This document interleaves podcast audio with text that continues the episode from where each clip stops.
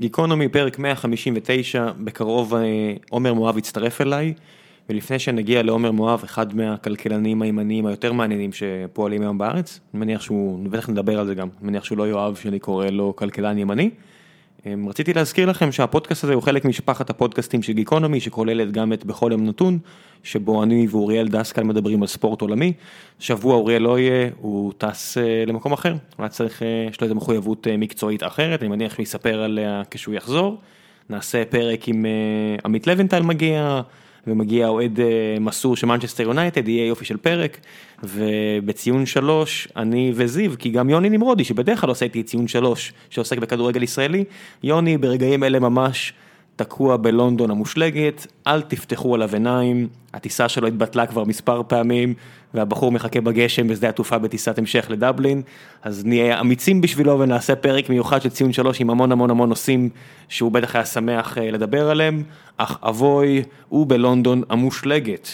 ומלבד הפודקאסטים האלה, אני רק רוצה להזכיר לכם שיש לנו גם את כל הליין אה, פרקים שדורון עושה בארצות הברית, גיקונומי ארצות הברית, הוא אירח אתמול את אה, תמר שכבר הייתה בפרק קודם על אה, לגליזציה של קנאביס והיא הביאה איתה שני, חבר'ה שמתעסקים בלגליזציה או בעצם באהבה שלהם לכלי נשק חמים.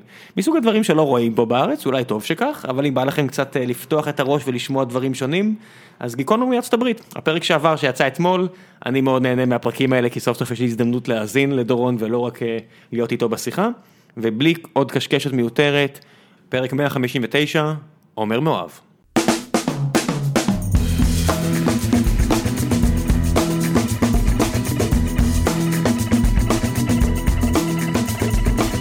גיקונומי 159, פרופסור עומר מואב איתנו, וכשנתחיל, אז אני רציתי, אה, רשמתי לעצמי, הצגתי אותך בכל, אה, ביומיים האחרונים, ביום האחרון, שאתה נתתי מקום אה, לשאול שאלות מהקהל, אם זה בפורום החיים עצמם של גיקונומי, או אפילו בטוויטר, אני חושב עשיתי את זה, ואז הצגתי אותך בתור אחד מהכלכלנים הימניים המעניינים שאני מכיר בארץ, והרבה אנשים נעלבו בשמך, או החליטו להגיד שאני טועה.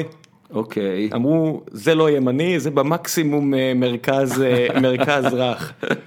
כן. אתה מסכים אה, לגבי זה? תשמע, זה כל אחד הרי חושב על עצמו בתור מרכז, אז יש בישראל כמובן הרבה אנשים שתפיסתם היא מה שהייתי קורא ליברטריאנים, שיש לי הרבה סימפתיה לגישה הזאת, אבל אני לא שם.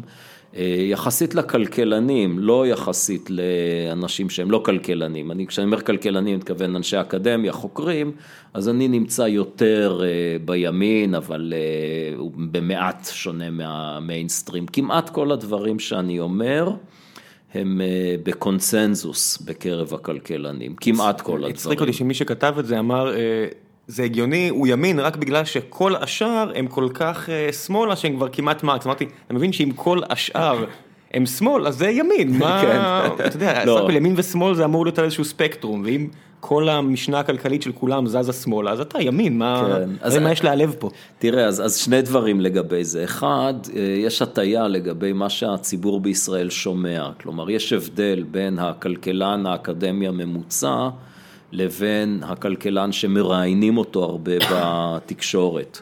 אה, והכלכלנים שהתקשורת יותר אוהבת לראיין, או שיותר אוהבים להתראיין, נמצאים הרבה יותר בכיוון הסוציאליסטי נגיד ממני.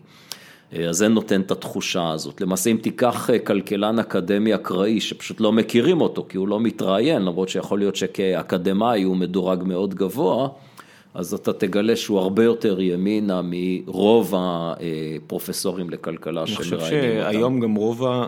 בטח בתקשורת וגם עם כזה, שכל אחד יכול להביע את דעתו וזה יגיע להמונים, כבר לא מדברים הרבה עם כלכלנים, היום מה ש...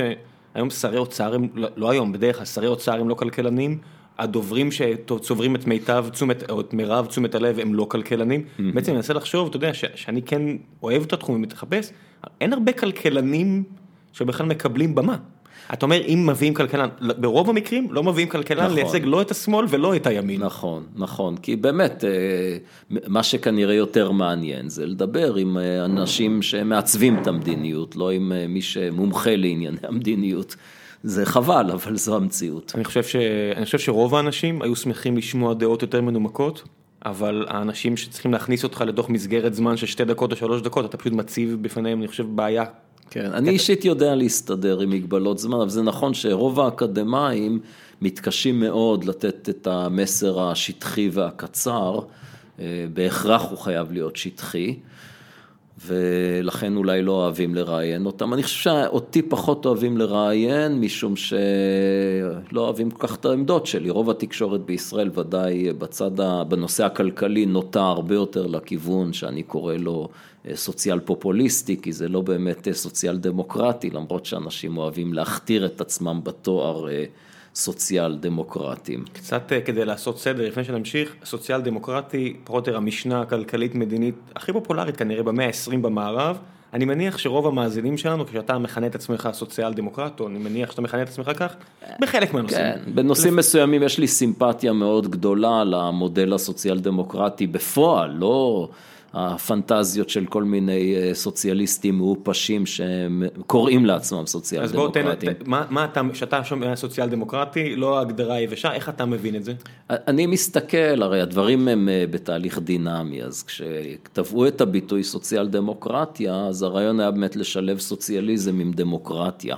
ונניח אנשים חשבו וחושבים אולי זה משהו כמו הקיבוצים של פעם, שהם באמת סוציאליסטים לחלוטין, אבל אה, דמוקרטים בשונה מרוב הסוציאליזם, אה, המדינות הסוציאליסטיות שהיו קומוניסטיות. אבל היום המדינות הסוציאל דמוקרטיות המצליחות, אין שם אה, באמת סוציאליזם.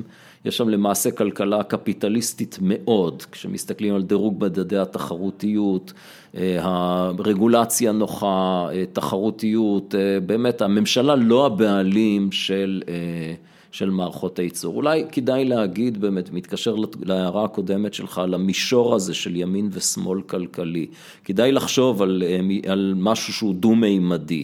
יש לנו מצד אחד מישור אחד של, אה, או קו אחד, שבו יש לנו בקצה אחד כלכלה שמנוהלת על ידי המדינה, ובקצה השני כלכלה שמנוהלת לגמרי על ידי כוחות השוק. וסוציאליזם אה, מהסוג הישן, המדינה מנהלת את הכלכלה. זה מישור אחד. המישור השני הוא מישור של עד כמה אנשים בעצם משתכרים מה שהם מייצרים, מרוויחים בשוק החופשי, ועד כמה הממשלה עושה, עוסקת בחלוקה מחדש של ההכנסה. המדינות הסוציאל דמוקרטיות המודרניות נמצאות מאוד בקצה הקפיטליסטי, בצד של חוסר המעורבות של הממשלה בשוק. כמובן שיש מקומות שיש כן מעורבות ויש ארגוני עובדים. אנחנו מדברים על המדינות המצליחות, אם זה הצפון כן. צפון אירופאיות, אם זה, אם זה כל המדינות, אני מניח שאוסטרליה וקוריאה גם נכנסות לרשימה הזו. כן, אוסטרליה אבל היא שונה, כן, היא מאוד תחרותית, היא, אבל היא שונה נגיד מדנמרק בהיקף המיסוי. מה שמאפיין באמת את דנמרק, שוודיה, זה מיסוי כבד יחסית, אה, אם כי הלא על העשירון העליון בישראל המיסוי כבד כנראה לא פחות, אה, וחלוקה מחדש של ההכנסה דרך המיסוי, דרך אה, שירותים ציבוריים. בסך הכל יש פה עניין עקרוני, ברמה העקרונית אני מאוד בעד המודל הזה, הטעם שלי אישית הוא שיהיה פחות חלוקה מחדש של ההכנסה. הבדל מאוד גדול נוסף שיש, זה כמובן התפקיד של ארגוני העובדים, שההבדל בין ארגוני העובדים בישראל לבין ארגוני העובדים בשוודיה או בדנמרק הוא הבדל אה, תהומי, זה אי אפשר בכלל אה, לתאר הייתי, את זה. הייתי יודע, הייתי תמיד שאומרים את זה, וזו טענה שעולה מפי אנשים שמתעניינים בתחום או עוסקים בתחום, תמיד זה נעצר בוועדי עובדים, אני אומר, זה לא, זה לא שם, זה, זה כל התרבות. אתה יודע, כל התרבות מייצרת את ועדי העובדים האלה, כשיש לך... הרי כשאנחנו מתעסק, מתעסקים על נגיד על פריון בשוק העבודה, אז אני אומר גם פה, החישוב נורא פשוט, שזה אה, כמות הכסף שחברה מייצרת, לחלק מספר האנשים או המועסקים בארגון, נניח שזה אחד הקריטריונים, כן. אבל זה לא זה, פריון זה גם ההרגשה שאתה יודע, חתירה, חתירה לרווחיות של חברה, עבודה צוותית, כל הדברים האלה, שאתה רואה יותר ממדינות אחרות, וזה לא מתבטא רק בשפיץ של, ה, של המסלול הזה, שאם זה ועדי עובדים או אותו מדד פריון.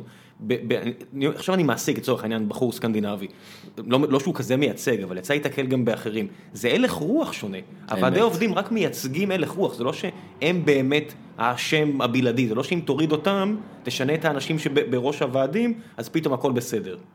מהבחינה הזאת של התפיסה הכלכלית שלך, אולי גם ש- שאני שותף לה בהרבה דברים. כן, אני מסכים שאין, קשה להפריד בין התרבות לבין ההתנהגות בפועל של אנשים. יש בישראל, בוא נגיד את זה בצורה הכי גלויה שיש, יש בישראל תרבות של יותר חזירות, שהחזירות, הבריונות, האגואיזם הבוטה הוא יותר מקובל מאשר במדינות אה, סוציאל דמוקרטיות מצליחות שהיינו רוצים להידמות להן. אולי גם סלחנות על אי עשייה. אה, סלחנות על הרבה דברים, אמת, נגיד על בריונות למשל. אה, אני נמצא באנגליה הרבה, אני רואה ששם גם משרת ציבור, אה, כולל בחברה עסקית, לא רק ציבורית, שאתה הלקוח, אבל זה הלקוח לא תמיד צודק. הלקוח צודק עד שהוא מתחיל להתנהג בגסות. ואם אתה באנגליה, אתה תנזו, תתחיל לצעוק על מישהו בטלפון, הוא פשוט ינתק לך את הטלפון. בישראל יש איזה הרגל, היום הייתי במשרד הפנים, פשוט מישהו שם התחיל לצעוק על אחת המזכירות, בהמתיות מאוד גסה ולא סבירה כמובן. זה, זה, זה מסוג ה... אתה יודע, בדיוק עכשיו קראתי איזה ידיעה על מצב העיתון, על מצב התיירות בארץ, וזה מתקשר לקצת נושא שכן מעניין אותי, ואני קצת מנסה לקרוא כל דוח שאני יכול אה, להגיע אליו, אז השורה הזו שנחקקה אצלי זה מחירים של מערב אירופה ומעלה, שירות של מזרח אירופה ומטה. ואתה מסתכל על זה ואתה אומר, כן, אני יכול לדמיין את זה, הרבה דברים שאנחנו פשוט מתייחסים אליהם ב, טוב, נו, זה מה יש. כן. זה לא אמור להיות ככה. אני מסכים, אני מסכים. אבל איך, איך השוק לא מתקן את זה? אני, זה, תראה, באמת קשה, זו שאלה מאוד uh, מעניינת, שקשה לי להגיד שזה בתחום המומחיות שלי, אבל רק כאובזרבציות מזה שאני נמצא בין שתי ארצות, ואני רואה את ההבדל גם באמת, הנה, טוב, אתה יודע, יש לי אובססיה עם בננות, אז... כן, תיזהר, אתה כבר נהיה הכלכלן שמדבר על בננות. כן, כן. אז uh, באנגליה אני קונה בננות, והן, לא רק שהן זולות, הן גם טובות. ופה, הנה, הגעתי, קניתי בננות צהובות בחוץ. עפיצות ולא טובות בפנים. ויש פה איזה מין, באמת מין זלזול כזה באחר, כולל זלזול בלקוחות. למה השוק לא מתקן את זה? זה לא לגמרי ברור לי. אז עם תוצרת חקלאית, אתה יודע מה, אני יכול להבין איכשהו זה מה יש, תכף גם נדבר על זה, מעודדים תוצרת מקומית, נניח, כל מיני כאלה, בסדר, וברור שזה לא הסיבות שהובילו לאותה בננה עפיצה בכמה. אני אזכר, היום דיברתי, הלכתי עם אחד החבר'ה שלי, הלכנו לקחת משהו מאחד החנות מחשבים פה ליד, לא אציין את שמה, אני מניח שהרבה אנשים מכירים את הרשת הזו, שידועה בש, ב, ביחס הכל כך לא נחמד שלה ושל מוכריה ללקוחות. ואנחנו יוצאים משם, א', אני לא מבין למה אני חוזר לשם כל פעם מחדש, ב', איך היא כל כך מצליחה, איך עדיין לא קם מתחרה, שפשוט מציע שירות עדיף יותר. או שהוא, אתה יודע, אני מנסה להגיד, אני מנסה לחשוב על עצמי, אני עדיין לא עזבתי אותה, אולי משהו בתרבות שלנו רקוב מהבחינה הזאת שאנחנו לא מאפשרים להיות לשוק יותר להיות יותר משוכלל, אנחנו לא אה, מצ'פרים מספיק אה, בתי עסק שבעצם כן נותנים לנו את האקסטרה על, ה, על היחס שלהם.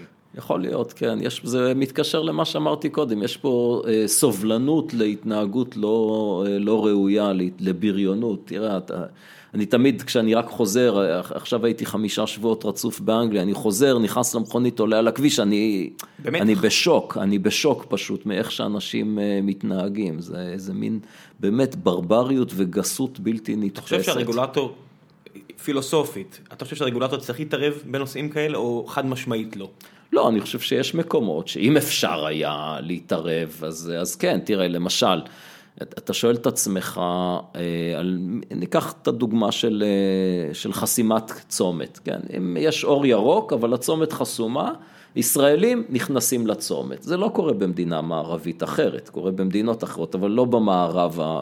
לא חוסמים צמתים. לא המערב שאנחנו רוצים לדמות כן. לו מהבחינה הזו. אבל תשאל את עצמך כמה אנשים קיבלו אי פעם בישראל קנס על חסימת צומת. על מהירות כן, על, על אי עמידה בעצור כן, על חסימת צומת לא נותנים כמעט, נדיר מאוד כנראה, שנותנים קנסות. אז לפעמים על ידי, הרגולטור כן יכול אה, לשנות שיווי משקל.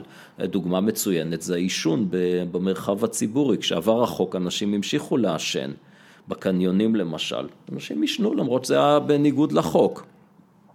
ובכל זאת, אה, ברגע שנעשתה פעולה מסוימת של אכיפה, עכשיו כבר לא צריך את האכיפה יותר, כי הציבור כבר לא מוכן שיעשנו לידו באותם אזורים. אז יש פה באמת אכיפה ציבורית, שלפעמים כדי לעבור לשיווי משקל הזה צריך את הרגולטור שיסייע. ואם נשליך את זה עכשיו על נושאים כלכליים, כי הרי בסופו של דבר כלכלה זה אוסף התנהגויות שמחוברות לכסף נקרא לזה. לתמריצים. לתמריצים, נגיד, כן. מערכת של תמריצים נכון, ועונשים, נכון. שאו שהשוק או שהרגולטור מקיים או מחוקק או עושה, אומר, אז איפה עובר הקו בין מה שהמדינה צריכה ואמורה לעשות, לבין מה שאני אומר, צאו לי מה, מה, כן. מהפרטיות ומהחופש. הרי מה, מה כן צריך לפגוע בחופש, מה לא, מבחינתך, זה, זה נושא שאני, גם דעתי כל הזמן משתנה לגביו, כי כשזה משהו כן. מפריע לי, אז אני פתאום נורא מוכן להקריב את החופש של אחרים. כן.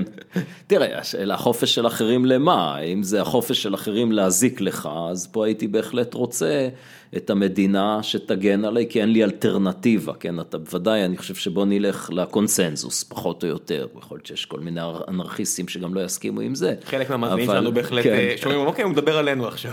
אבל בוודאי שרוב בני אדם יסכימו שכדאי שמדינה כן תספק חוק וסדר. משטרה, בתי משפט, אה, צבא, הדברים האלו, אה, כמובן שמשטרה מגבילה את החופש שלנו, אבל לטובה, אני לא הייתי רוצה לחיות זה במדינה... בקונסנזוס, זה אפילו כן. באושר העמים של אדם סמית, הוא נכון. מציין בדיוק את הדברים האלה, אני חושב שאפילו הוא מציין עוד כמה, אני חושב שיש שם חמש או ש- או חמישה שישה תחומים שהוא מציין, הדברים שאין אינטרס כלכלי לפרט או לחברה, קמפני לעשות, שהמדינה תעשה. אבל יש דברים נכון. שהם זה, כבר... זה שירות ציבורי שמגביל את הפרט. איפה הבעיה? אני אגיד לך איפה הבעיה שיש, וגם במובן הזה הביקורת שיש לי הרבה פעמים על כלכלנים, שבהרבה מקרים יש כשלי שוק. אז אנחנו, ב... אנחנו מלמדים את הסטודנטים שלנו, ואנחנו הכלכלנים, יש לנו בראש את הרעיון שאם יש כשל שוק, ממגוון רחב של דברים, הרגולטור, המדינה יכולה לטפל בכשלי שוק, דרך מיסוי של השפעות חיצוניות, דרך אספקת מוצרים ציבוריים וכדומה. איפה הכשל כמובן? שאותה מדינה שיכולה באופן תיאורטי לעשות את זה, בהרבה מקרים עושה את הדברים בצורה כל כך לא יעילה, שאתה שואל את עצמך, אוקיי, אז אולי עדיף אה, לא לקבל את השירות הזה ושישאר לנו הכסף לפחות בכיס. אני אתן לך דוגמה, הייתה דוגמה פנטסטית לעניין הזה, היה לנו בכנס אה, מכון אהרון, הכנס השנתי של מכון אהרון, שבעצם תפס את הבכורה בארץ בנושא של כנסים אה, כלכליים. אה, כבר שלוש פעמים, שלוש שנים רצוף שאנחנו עושים את זה, מאוד מוצלח, מגיעים מהאקדמיה, מהממשלה, מהתעשייה, אה, ומנהלים דיונים על בסיס ניירות עמדה, על בסיס מחקר, שזה מה שמאוד יפה זאת בזה. אומרת, אנשים יודעים על מה הם מדברים. אז לפחות החוקרים שמציגים את הדברים יודעים על מה הם מדברים, וזה באמת אה, מביא אותי לעניין, לסיפור המאוד מעניין הזה. כידוע, אני דווקא בעד, כן, צמצום הממשלה, אני לא אה, אנרכיסט ולא אפילו ליברטריאן, אבל ביחס למה שיש היום הייתי מעדיף ממשלה מעט יותר קטנה, פחות מיסוי, באמת להשאיר לציבור יותר כסף בכיס. אה, גם אם המשמעות היא כמובן שהממשלה יהיה לה פחות כסף אה, לתת לציבור. זה לא אם, זה בוודאות. כן. אה, אתה יכול להגיד שהעוגה תגדל כי השוק יהיה יותר יצרני. גם נכון, בסדר, אבל אני אפילו מוכן, כן, עקומת לאפר וכולי, אבל אני בסדר. אומר, בוא לא, אפילו לא נלך לספקולציה הזאת. ובאמת היו שם כלכלנים, אחד אחרי השני, שקמו ואמרו, הממשלה צריכה להשקיע יותר פה.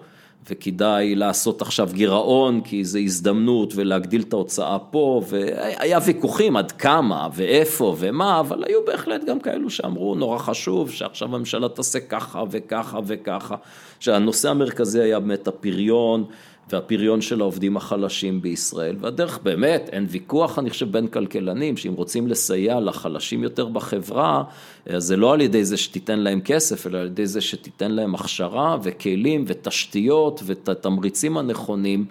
כדי שהפריון שלהם יגדל, וזו הדרך היחידה להגדיל שכר. אגב, בעניין הזה, רק הערה, אם אתה שומע את ארגוני העובדים בשוודיה או או בדנמרק, זה גם מה שהם אומרים, מאוד שונה מארגוני העובדים בישראל.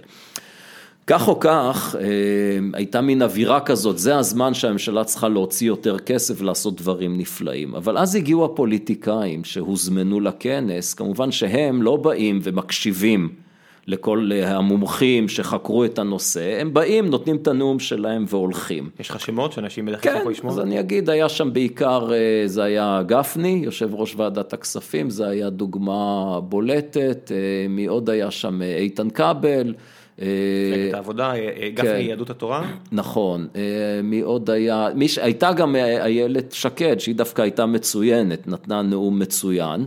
אה, באיזה נושא, על מה על מה במה היא עסקה? היא דיברה באמת דווקא יותר על הכיוון של, אה, על התערבות מיותרת בשווקים, על התערבות מזיקה, על חקיקה מזיקה, פיקוח שכר דירה היה הדוגמה היא גם בין המרכזית. הפוליטיקאים, רק אני אגיד משהו קטן ואז נחזור לנושא, היא בין הפוליטיקאיות היחידות שגם כתבו נייר עמדה, כמו שציינתי נכון, מקודם. נכון. זה משהו שגם אם לא הסכמתי עם הכל שם, היה לי מעניין לפחות לקרוא, כן. כי לפחות היא נימקה, היא לפחות חשבה, לא יודע אם היא אפילו כתבה את זה, ויכול להיות שלא, ואני מאמין שכן היא כתבה את זה, לפחות שינוי מרענן של מישהו שאומר משהו, ואז הולך וכותב וחוקר בנושא. גם אם לא מסכימים, לפחות שעדיף שזה יהיה דיון כזה, אבל בואו נחזור אחורה. כן, אז אני אג- אגיד לגביה שבאמת היה, הייתה שם הסכמה שזה היה נאום מצוין, למרות שאתה יכול לנחש שרוב האנשים שישבו שם לא מזדהים הבית היהודי, ואפילו לא מזדהים הקו הימני-כלכלי שלה. בסדר, אבל- לפחות זה דיון אבל עמוק. היה דיון רציני וטיעונים רציניים. נחזור למה שהיה שם. אז אנחנו מנהלים דיון שלם על איך להגדיל את הפריון. ולהגדיל את הפריון המשמעות היא באמת, וזה אגב שוב עקבי עם הגישה של ארגוני העובדים השוודים למשל, שתעשייה שלא יכולה לשלם שכר גבוה צריכה להיסגר, צריך לסגור מפעלים שהם לא תחרותיים. למה? כי הבעיה שלנו היא לא אבטלה, הבעיה שלנו זה פריון נמוך. כשאתה בכוח מחזיק מפעלים מהסוג הזה בחיים, אז uh, אתה רק מגדיל את הבעיה ומקבע פריון רגע, נמוך. כשאתה אומר לסגור זה לא בצורה אקטיבית להלאים לא, לא, ולסגור, לא, אלא פשוט לא, לא לעזור לא במקרה נתקלים בקשיים. לא לעזור, בדיוק. ולא לעזור אם נתקלים בקשיים, ושזה כמובן ממש חמור לטעמי, אה, ולא לעזור על ידי זה מה ממש חמור? להזרים כסף לתעשייה כושלת, כן, שמשלמת שכר נמוך, אבל אני אגיד יותר מזה, גם כן יש לעזור בצורה אקטיבית של חסימת אה, תחרות.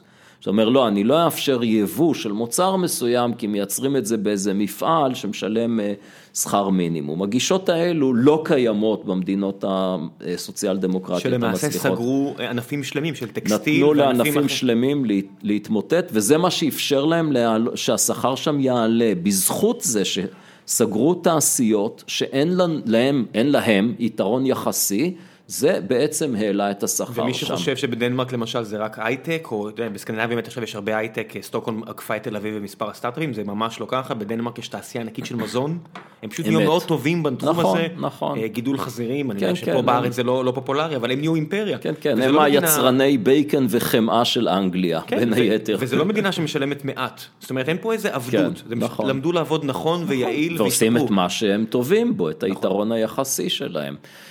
אה, ובכל מקרה, אז מה הכלכלנים שם אמרו? הממשלה צריכה להגדיל את ההוצאה כדי לא חלילה להציל מפעלים או לחסום יבוא, אלא כדי לעסוק בהכשרה, לעסוק בתשתיות.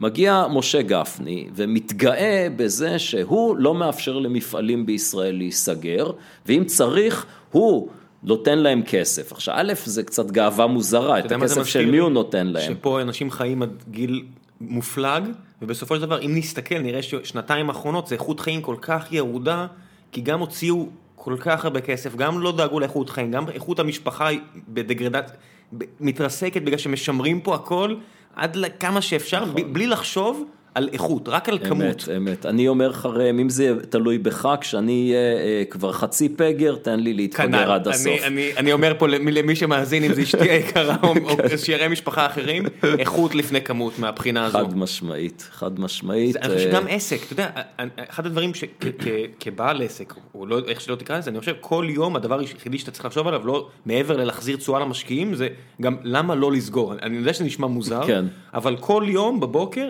למה לא לסגור? מה הסיבות שאנחנו כן נצליח? לא הפוך, לא איך לברוח מכישלון, איך להגיע להצלחה. ואני רואה את זה שזה אחד המאפיינים בהייטק, אבל אני מחזיר את זה, מחזיר למה שאמרת, גפני עולה.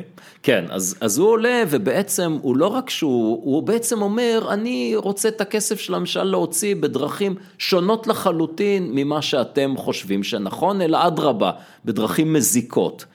עכשיו, אני יושב ראש הכנס, אז ניצלתי את הנאום סיכום שלי כדי להמחיש בפני כל אותם כלכלנים שקראו להגדלת ההוצאה הציבורית, לא רק הכלכלנים, להמחיש להם את הקונטרסט. תראו, מצד אחד אתם טוענים בטיעונים נכונים, נבונים, שאם הממשלה תעשה כך וכך, אז מוצדק בשביל זה להעלות מיסים, להגדיל את הגירעון, שזה אומר אה, לדחות מיסים.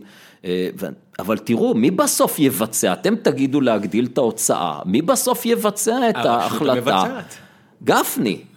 ומה הוא יעשה? הוא אמר לכם מה הוא יעשה, דברים שאתם חושבים שאסור בשום אופן לעשות. אז לא מוטב שאנחנו ככלכלנים נקרא להקטנת נטל המס, כדי שיהיה להם פחות כסף שלנו לעשות איתו דברים מזיקים? מה, תראה, למשל בענף התחבורה הציבורית, מוניות, ראש הממשלה נפגש בדבוס עם... אחד הפאונדרים, אני חושב שזה היה המנכ"ל של אובר, אומר למה לנו אין כזה, ואז מישהו מפלגדו אומר לו, כי אני צריך להיבחר לפריימריז ידידי, נכון. אתה, אתה בטוח בפנים. כן. עכשיו, אני לא יודע, יש גם שיקולים לכאן או לשם, אני לא חושב שזה כזה פשטני, כן, שלא יישמע, אבל כשהשיקולים הם כל כך לא ענייניים, כמו שברור גם של גפני. כן. אני בטוח שאם תשים אותו באחד על אחד בשיחה כזו ותסביר לו, יש סיכוי שאפילו יסכים איתך. אני חושב שהניסיון שלי עם פוליטיקאים אה, זה שאין קשר בין מה שהם חושבים למה שהם אומרים. אצל מעטים כן, אצל כן, הרוב כן, אני בטוח שלא. כן. נכון, נכון, יש כאלו שכן, יש כאלו בוא לא שכן, נכון, וכאלה. אבל יש כאלו, אה, תראה, שר האוצר הנוכחי כחלון, אין לי שום ספק שהוא אומר דברים שהוא לא מאמין בהם לשנייה, זה אגב נכון היה גם לגבי לפיד. לגבי לפיד אני יודע את זה, כי קראתי את הספר המאוד יפה שהוא כתב על אבא שלו. שהוא כותב כאילו אבא שלו מספר בגוף ראשון, ואתה קורא את הספר הזה, אתה מבין שמי שכתב את זה, מבין כלכלה לא רע, וחושב בצורה הגיונית וסבירה, כלכלת שוק, קפיטליזם, ואז אתה שומע את הדברים שהוא אומר, ברור לך לחלוטין שהוא לא מאמין במה שהוא אומר, הוא אומר מה שהוא חושב שיעזור לו להיבחר, זה הכל. עכשיו אם נחזור לאובר, אני חושב שההסתייגויות שיש מאובר הן אה, לא רציניות ביחס לתועלת שיש. אנחנו מדברים על אובר איקס בעצם, לא על אובר כמפעילת מוניות, אלא כן, על אובר לא, בתור... אובר ה... כמו שקיים, תראה, כשאני לא בארץ, אז אני משתמש באובר המון, זה, כשזה הגיע לקובנטרי, איפה שאני נמצא באנגליה, שיפר את איכות חיי בצורה דרמטית. אה, לא צריך יותר לצלצל למונית. המחיר הרבה יותר נוח, הרכב יותר נעים, אה, הזמינות יותר גבוהה, ותמיד יש. וזה מה שיפה באובר, וכלכלנים מאוד אוהבים את זה, זה התעריף הגבוה יותר בהתאם לביקוש. משתמשים בדרך כלל בגט טקסי או מהמתחרות האחרות בעולם, כמישהו שהוא flat rate, לעומת חברה כמו אובר, שאם יורד גשם, התעריף יעלה. נכון, וזה נכון. וזה בעצם תמחור, מה שנקרא, הוגן יותר. הוא לא רק שהוא הוגן יותר. הוא כלכלי יותר כן. מהבחינה של, אמ, זה נשמע כאילו קר כאילו. זה נשמע קר ולא אנושי, אבל הרבה פעמים מחירים גבוהים יותר עוזרים לווסת את השוק. הם, הם בעצם דואגים למשל שלא יהיה התנפלות, כמו שאתה רואה למשל, שיש סדר ומחירים גבוהים גם מייצרים איזשהו סדר, אז יהיה מתחרים זולים יותר. כמו למשל ויה, שיש להם אה, אה, חברה פה, אה, החברה פה בארץ לא רחוקה מאיתנו, אח של אחד העובדים שלנו, אח של חבר טוב, סער גולדה, שהוא אחד הבכירים שם, הם עושים מיניבוס כזה שמסתובב בניו יורק, ואוסף אנשים בשניים נכון, וחצי, שלושה וחצי נכון. דולרים, באמצעות האלגוריתם המתחכם, נכון. שלהם, 12 בוגרי תלפיות, אני לפי דעתי הכי הרבה שיש בעולם בחברה אחת, חבר'ה מבריקים אחד אחד, אז הם מציעים אלטרנטיבה זולה לאובר, נכון. כי אובר להרבה אנשים זה יקר. אבל למה ויה לא קיים בישראל? כי הרגולטור לא מרשה את זה. למה יש לך פה מוניות שירות שבמחילה, שאתה צריך, אם אתה במקרה התיישבת מקדימה כי מאחור תפוס, אתה כל הנסיעה, אתה עובד. אתה עובד שלו. אתה עובד, כסף קדימה, כסף אחורה. סליחה, היום בעידן שאנחנו נמצאים בו, אני עוד צריך להעביר מזומן קדימה אחורה, איפה אנחנו חיים? למה השירות כל כך גרוע? הוא גרוע בגלל הרגולציה מגבילת התחרות. האם נחזור לאובר, אני אנסה לתת לך טיעון שהוא הרבה יותר פשוט, למה התעריף הגבוה, ה-surge charge, הוא דבר מצוין. וזה מצחיק ששמעתי פה את אה, מנכ"לית משרד התחבורה, כמובן מגנה על ההחלטה של השר כנגד אובר, והציגה את זה כחלק מהביקורת. כשאתה לוקח מונית, אתה יודע מראש בדיוק מה יהיה התעריף. ממש. ואובר, זה אגב, זה גם לא נכון, כי, אבל נגיד אתה יודע את התעריף, ואם יש פקקים תשלם יותר. אה, לגבי אובר אתה כן יודע מראש, כי ה... התוכנה, האפליקציה נותנת לך הערכה, לא מדויק אבל הערכה, והם לא יחרגו מהערכה. וכן, לפעמים אומרים לך, ועכשיו בדיוק לפני יומיים היה אה, מבול של אה, אה, המון שלג באנגליה, התעריף הגיע באובר ל-500 אחוז. זאת אומרת, נסיעה באמת הרבה הרבה יותר יקרה ממונית. אלא מה? מה האלטרנטיבה? אם אין אובר, כן, אז יש לי מונית במחיר יותר זול, אבל אין לי את המונית. כלומר, כאשר יש את התעריף הגבוה, לפחות יש למי שבאמת חייב ומאוד רוצה, יכול לשלם ויש לו את השירות. פה בישראל בשעות העומס, אני פעם הייתי צריך מונית, פשוט לקח לי שעה עד שמצאתי מונית. שירות פרימיום. כן. אתם מקבלים שירות פרימיום, אתם מקבלים את הקיום של שירות פרימיום בהכל, אבל יש דברים שפתאום זה נראה לך מוזר ואני לא כן. מוכן.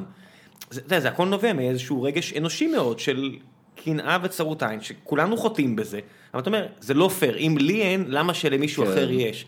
וברגע שתיפטר מזה, וברגע שהשוק ישתכלל והכלכלה תגדל, ואני אומר את זה, זה ברור שזה נורא פשטני וזה לא תמיד נכון, אבל כשהשוק משתכלל והכל מתקדם ויש יותר כסף, הסיכוי שלך יהיה גדל, הוא לא קטן. נכון, אני חושב שיש פה שני דברים, אחד זה תמיד האינטרס הצר, קבוצות לחץ, הם לא צריכים להיות הרבה אנשים, אבל זה הדבר הכי חשוב שלהם, כמו בעלי רישיונות המונית, ואני תכף רוצה לחזור לנקודה, למה אני אומר בעלי הרישיונות ולא הנהגים, זאת הבחנה מאוד מאוד חשובה, והקיבעון המחשבתי של הציבור, כוחו של ההרגל. ובהרבה מקרים, ואני יכול לתת דוגמאות עוד מעברי כחבר קיבוץ ומזכיר קיבוץ על כוחו של ההרגל וכמה אנשים מפחדים משינוי, וזה מתקשר לתחבורה כמובן לסיפור של אגרות גודש. בכל מקרה לגבי אובר, זה לא רק שזה נותן למשתמשים שירות יותר טוב, זה גם נותן לאנשים אפשרויות תעסוקה יותר מגוונות. אנשים שרוצים יכולים לנהוג באובר, יכולים לנהוג באובר בצורה חלקית. להצטרף בשעות העומס שהמחיר יותר גבוה, לסייע לפרנסה של עצמם, סטודנטים בצורה חלקית, זה ווין ווין כמעט כמעט לכולם. מה קורה אבל אה, כשחברות כאלה למשל מנצלות העובדה שאין יחסי אה, עובד מעביד ובעצם הן חורגות מהנורמה שאנחנו קובעים כחברה למהי תעסוקה הוגנת. אני עכשיו אהיה דבלס אדווקט ואני אייצג את כל האנשים. אוי, השטות הנוראית הזאת, אני עדיין מחויב לעשות את זה. כן, כן. אז אולי רק לפני כן, אני רק אה, רוצה להדגיש נקודה אחת שהיא חשובה בעיניי. נהגי המוניות, בשונה מבעלי רישיון זכות ציבורית. בשביל להפעיל מונית צריך לא רק רישיון נהיגה, צריך את הרישיון למונית עצמה. צריך רבע מיליון שקל בשביל מספר מונית. נכון, או לשכור אותו. או לשכור אותו, נדמה לי סדר גודל של 1,500 שקל לחודש. צריך להבין נקודה מאוד חשובה, כאשר פותחים את הענף לתחרות, מי שנפגע זה בעלי הרישיונות שהם בעצם בעלי הון, לא הנהגים. זה נכון שלפעמים יש אדם שהוא גם בעל רישיון וגם נהג, אז הוא ייפגע, אבל הוא נפגע כבעל רישיון, לא כנהג. הנהג ששוכר את הרישיון, אובר רק יפתח לו יותר אפשרויות. וממילא את הרנטה העודפת ממילא מעביר לבעל הרישיון.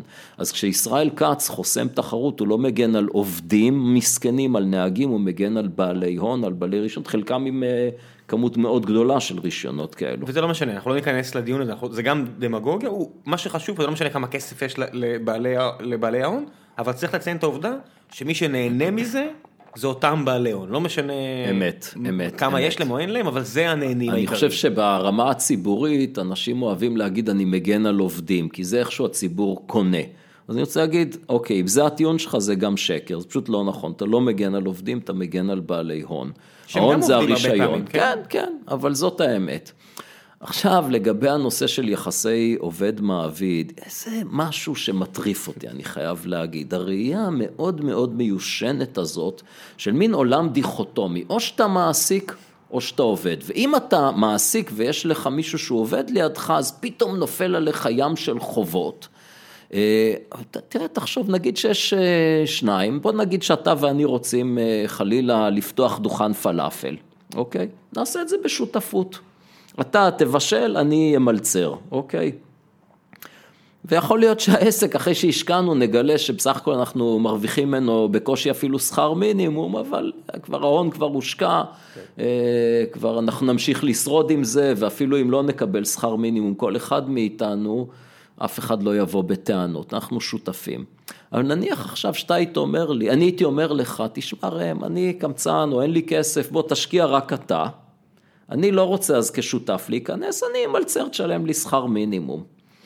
מה יקרה אז? אם לא תשלם לי שכר מינימום, כלומר מה שהיה קורה אם הייתי משקיע כסף ונהיה שותף שלך, אם הייתי שותף זה הכל בסדר, אבל אם אני עובד שלך, אז פתאום אתה פושע גדול, שאתה בעצמך לא מרוויח, אתה מלין את שכרי ואתה לא נותן לי את כל ההטבות שמגיעות לי. למה בן אדם לא יכול, למה חייב להיות, או שאתה עובד או שאתה מעשי, מעביד, ואין אפשרות לחוזים יותר גמישים. למה עוזרת בית, זה גם הכל עניין של נורמות, עוזרת בית על פי חוק היא עובדת שלך, אתה צריך, אם אתה מעסיק אותה, אתה צריך לשלם לה את הכל, היא לא יכולה להיות קבלנית, אבל הגנן כן יכול להיות קבלן. למה? זה הכל דברים מאוד שרירותיים שעוד מגבילים מאוד את חופש החוזים ואת היעילות הכלכלית. הרבה מזה הגיע אבל כן מניצול של עובדים, ואתה יודע, זו תנועה כזאת של מטוטלת, ש... יש עובדים מנוצלים, אז יש חקיקה לטובתם, ואז יש ניצול שלהם, אתה יודע, גיל שלי היה פה ודיבר על זה, בעצם על, על המטוטלת הזאת בין הכוח לעובדים, לכוח למעבידים, והוא אומר, הטענה שהוא העלה, שני פרקים או שלושה פרקים אחורה, שכרגע אנחנו בעצם באיזשהו שיא של כוח לעובדים. כן, אז, אז כדאי על זה גם להגיד כמה מילים מבחינת כוח לעובדים. קודם כל, אני בפירוש בין שתי האפשרויות הלא כל כך מוצלחות, של חקיקה שמגנה על עובדים או ארגוני עובדים, ודאי שאני מעדיף את החקיקה ולא את ארגוני העובדים. כי ארגון עובדים בעצם יוצר מצב של סחטנות אה, בלי קץ, ככל שעסק יותר מצליח, אם זה במגזר הפרטי, ובוודאי שאם זה במגזר הציבורי, זה סחטנות לפי היכולת להזיק. אה, אז ארגוני עובדים זה פשוט דבר נורא. אה, ואנשים, זה לא מקובל להגיד את זה, אבל זאת האמת. ואם אני אקח דווקא את, אני אעשה לעצמי את החיים הקשים יותר ואני רוצה להסתכל על ארגוני עובדים במגזר הפרטי ומתוך זה גם נסיק לגבי חוקים שמגנים על עובדים. אם תראה, יש לך עסק, יש מעסיק, בעלי הון שהם בעלי העסק ויש לך עובדים והם ביחד מייצרים איזושהי עוגה, מייצרים הכנסה, ויש שאלה לגיטימית של איך לחלק את ההכנסה, זה אני, מה שאני אומר לך זה מה שקרל מרקס וחסידיו אומרים, כן?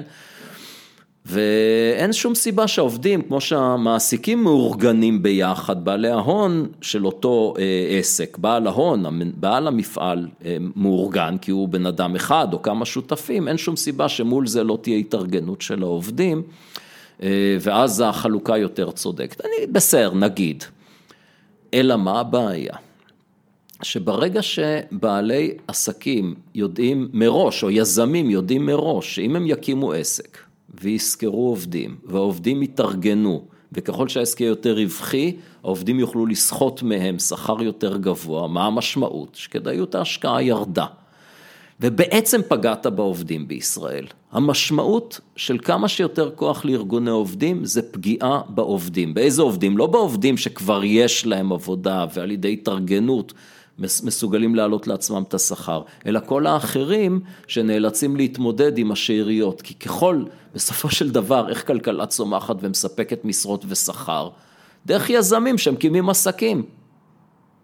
ככה כלכלה צומחת, וככל שאתה הורס את התמריץ של אנשים להקים עסק, כי הם יודעים מראש שתוטל עליהם או חובה חוקית או דרך אה, החוק וארגוני העובדים, יוטל עליהם מס מאוד מאוד כבד, אז הרצון להקים עסק בישראל הולך וקטן, תוסיף זה את כן, הרגולציה הנוראית. תכף יש אה, במינכן את הכנס השנתי של DLD, שהוא בעיניי ה-DLD היותר מוצלח מבין האפשריים, וכל פעם שיצא לי להיות שם, אני שומע את היזמים הצפון איטלקיים, שמתברר שהם בכלל, אה, אתה יודע, עוברים לעשות בבוואריה את העסקים שלהם, כי פשוט החוקים באיטליה כל כך מקשים עליהם, שגם אם הם היו רוצים, הם רוצים לעבוד במילאנו, הם רוצים לעבוד במודנו, בכל המקומות האלה, פשוט החוקים אה, שמגנים על העובדים, מונעים מהם, הם מספרים את זה, ואתה יודע, זה מצחיק, זו השיחה, הרבה, הרבה הנוכחים בשיחה הזאת הייתה, הם כולם בעלי דעה יחסית שמאל כלכלית, והם שומעים את זה, ואתה יודע, גם אני יחסית, אתה יודע, הרבה, בהרבה נושאים אני יחסית סוציאליסטי, ואני שומע אותם, וזה באמת גורם לך לחשוב, כי אתה אומר, הם עוברים לגרמניה, כי באיטליה, אני לא זוכר את המספרים המדויקים, אתה רוצה לפטר מישהו, אתה צריך לתת לו שבעה חודשים נוטיס,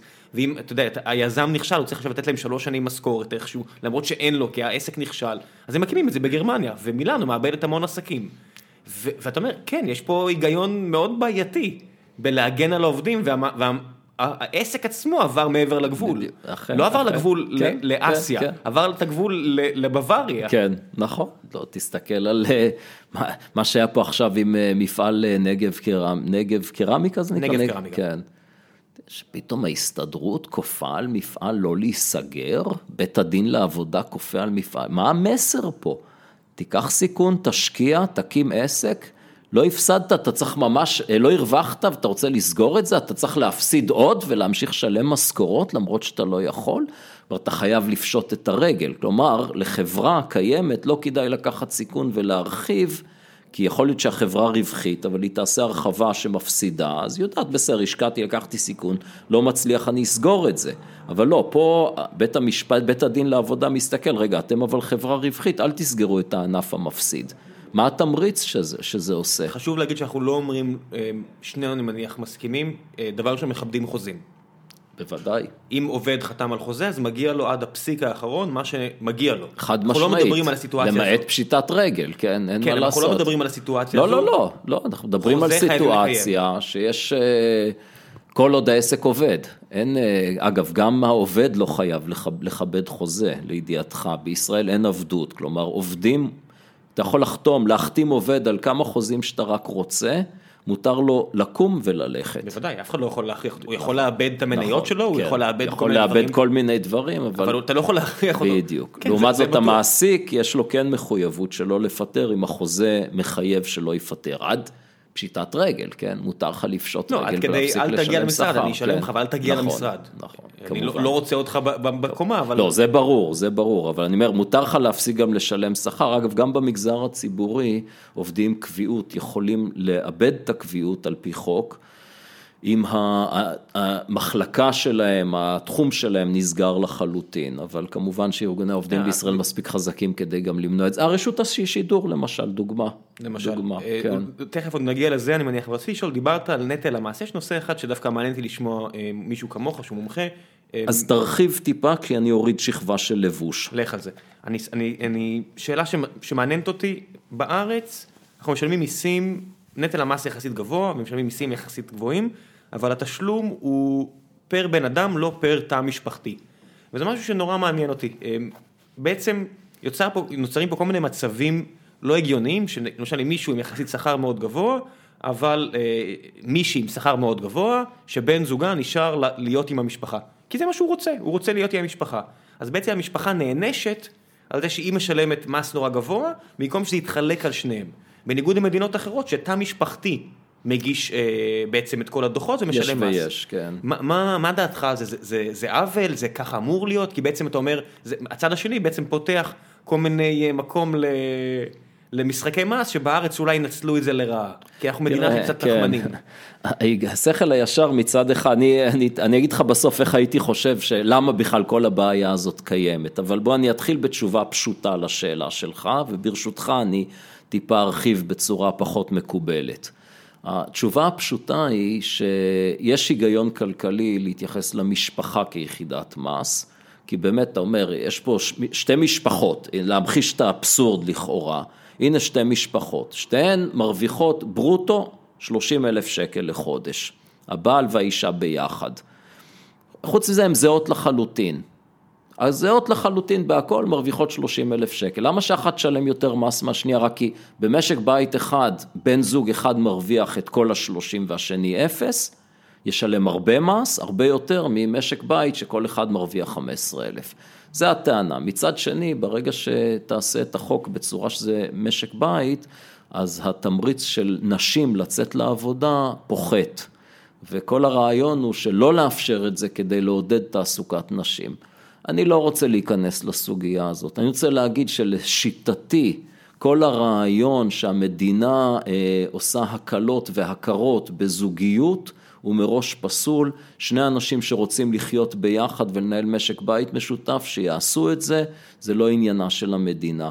אדרבה, אני גם הייתי אומר שנישואים לא צריכים להיות עניינה של המדינה, וברגע שאתה באמת אומר, אני מתייחס לאזרחים, לא בזה שאתה עושה איזו שותפות, זה, זה עניין פרטי של אנשים, זו תפיסה אידיאולוגית. עכשיו אני אגיד לך ככלכלן, אם הייתה פה שיטת מס נכונה יותר. ופשוטה, אז, אז כל הבעיה לא הייתה קיימת. ניתן לעשות מערכת פרוגרסיבית, שהיא מקטינת אי שוויון, בשיטת מילטון פרידמן, שקרא לזה מס הכנסה שלילי, שזה שונה ממס ההכנסה השלילי שקיים בישראל.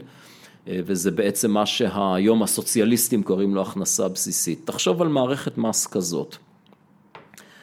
נוסחת המס היא מינוס אלפיים, סתם לדוגמה, פלוס 30 אחוז מההכנסה. לכל אזרח, זאת אומרת, אתה כל חודש מקבל מהמדינה 2,000 שקל ומשלם 30 אחוז מההכנסה שלך. אז אתה יכול לעשות את החישוב המדויק ולראות. וזה במקום קצבאות וזה בעצם מפשט את כל הסיפור. במקום, בנוסף, לא משנה. לא משנה, אתה יכול עדיין להגיד שמי שנכה וצריך סיוע יותר, אז יקבל יותר, אתה יכול להגיד, אני כמובן נגד, שמי שיש לו יותר ילדים יקבל יותר, אני כמובן טוען שזה לא צריך לעשות, אבל תראה, ברגע ששיעור המס השולי הוא אחיד, ועדיין מערכת המס היא פרוגרסיבית בגלל הסכום הקבוע הזה, אז קיבלת מערכת מס מאוד פשוטה, שבכלל לא משנה אם תחשב את משק הבית ביחד או כל אחד בנפרד, חבות המס תהיה זהה. כן, וזה גם יהיה הרבה יותר פשוט, אז גם כמות הכסף שאני אצטרך לשלם לרואה חשבון בשביל להבין כמה אני צריך לשלם, בשביל להגיש דוחות. יש, יש פה הרי תעשייה שלמה, ובואו לא נהיה תמימים. חלק מהאנשים שרוצים לסבך את מערכת המס, זה רואי החשבון. אנחנו מסכימים על זה? אני בטוח שאתה צודק בזה, כן. ואף אחד לא יגיד את זה בקול רם, כי לכולם יש איזה למה? רואה חשבון אנחנו שאתה לא... אומרים את זה בקול כן, רם. כן, לי פחות אכפת, אבל- ואני אוהב את הרואה חשבון שלי ואני מעסיק אני אותו, אוהב את הרואה גם חשבון אישית שלי, וגם החברה, כן. אבל אני אומר, חלק מהאינטרס שלו, שזה יהיה כמה שיותר מסובך, נכון. כשמגיע סוף שנה והוא שולח לי 40 מיילים, ואני אומר לך את האמת, אני אומר לעצמי, אני חייב להעסיק אותו, כי אין לי שום דרך נכון. לעשות את זה בלעדיו, אין לי, רון, אם אתה מקשיב, אין לי שום דרך להסתדר בלעדיך. כן. הוא כבר מעלה לך את המחיר. לא, הוא מחזיק אותי, אני הכי גרוע, יכול לעבור, אבל הוא מחזיק אותי בביצים לגמרי מהבחינה כן, הזו, כי זה כן, מסובך.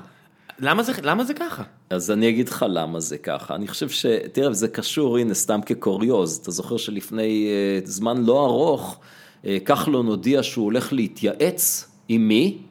עם רואי החשבון בארץ, מה לעשות עם עודפי הגבייה.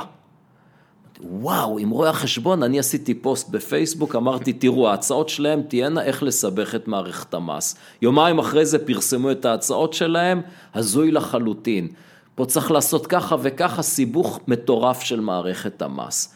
כלכלנים תמיד רוצים מערכת מס מאוד פשוטה, בסיס מס רחב, שיעורי מס נמוכים. אגב, במקומות שניסו את זה, חלק ממדינות מזרח אה, אירופה, שהיו חלק מברית המועצות לשעבר, פישטו מאוד את מערכת המס, למרבה התדהמה של כל מיני סוציאליסטים, הורידו את שיעורי המס ופישטו וגבו הרבה יותר מס, כי מערכת פשוטה, הרבה יותר קל לאכוף את החוק ולגבות. וזה קיים וזה עובד וזה מאוד מאוד מוצלח. אלא מה? הצד השני, זה, עזוב, את רואי החשבון זה לא, זה לא באמת הבעיה. הבעיה היא שיש כל מיני אנשים עם אינטרסים ספציפיים ופוליטיקאים שמנסים לעזור להם, והפוליטיקאי אוהב הפוך מהכלכלנים, כלומר הפוך מהשכל הישר. הוא אוהב מערכת שהיא פרטיקולרית, שפה יש לו אפשרות להיטיב עם מישהו, ופה איזה הקלה. ואז עושים קופת גמל שיש, תשמע, אני פרופסור לכלכלה, אני יושב עם היועצת פנסיה שלי, אני לא מצליח לצאת, לצאת מזה. כל דבר פה יש, אה, גמל להשקעה זה ככה, אבל אם אתה מושך ויש פטור ממס על ההפקדה, אבל לא, זה, זה אינסופי, זה מטורף. אתה יכול היום לשים את זה על, על מכשיר פסיבי, תצמיד את זה כמו שאני אישית, על S&P 500, אמרתי אוקיי, אבל אני רוצה לשלב את זה עם אולי עם אה, מדדים אחרים, לא, את זה אתה לא יכול. למה? אתה יכול רק מרשימה סגורה. למה? ככה.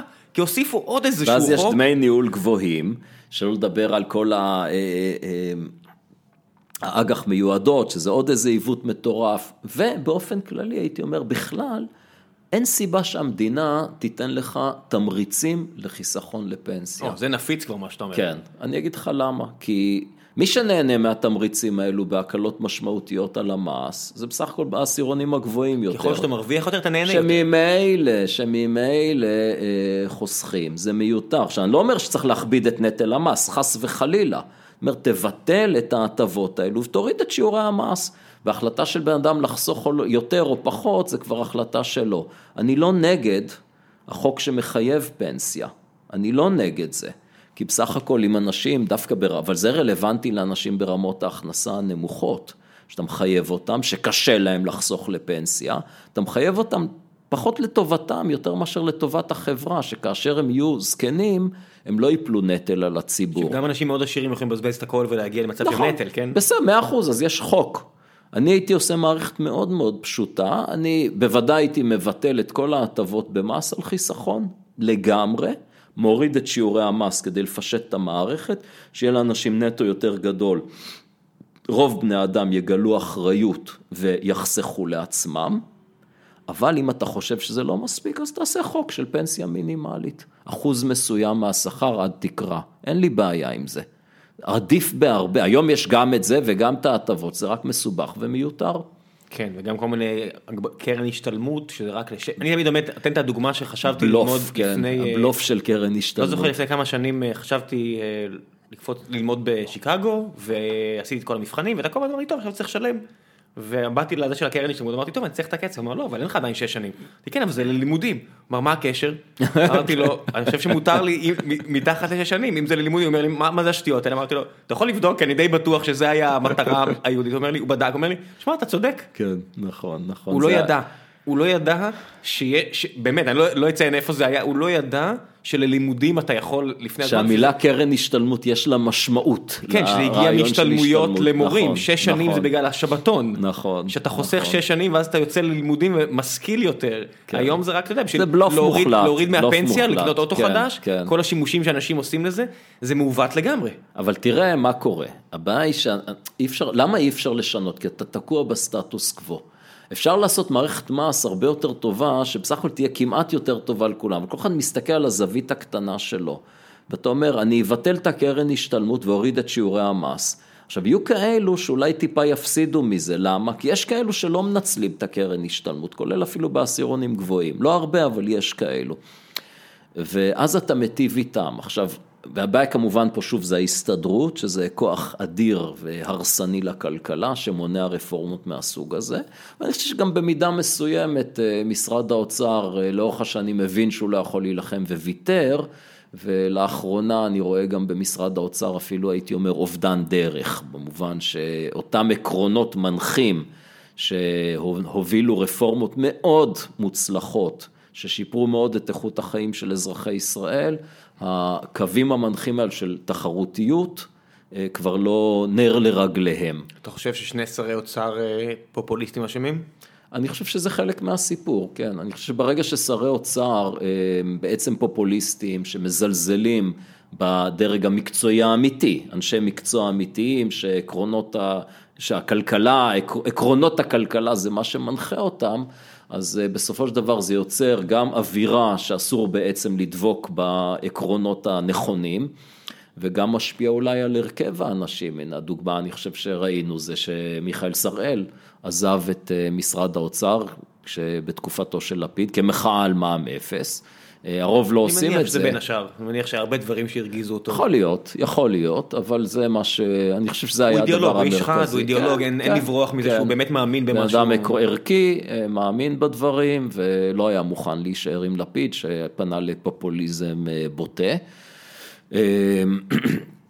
ואני מניח שזה אולי גם משפיע היום על האנשים שהאוצר מגייס, שיכול להיות שאדם עם עקרונות אה, לא ירצה להישאר אה, באוצר לאורך זמן. לא רוצה לטעון שכל מי ששם, יש שם עדיין חבר'ה טובים מאוד, אבל... חלק מהם אפילו מאזינים, אז אה, דש לכם. כן.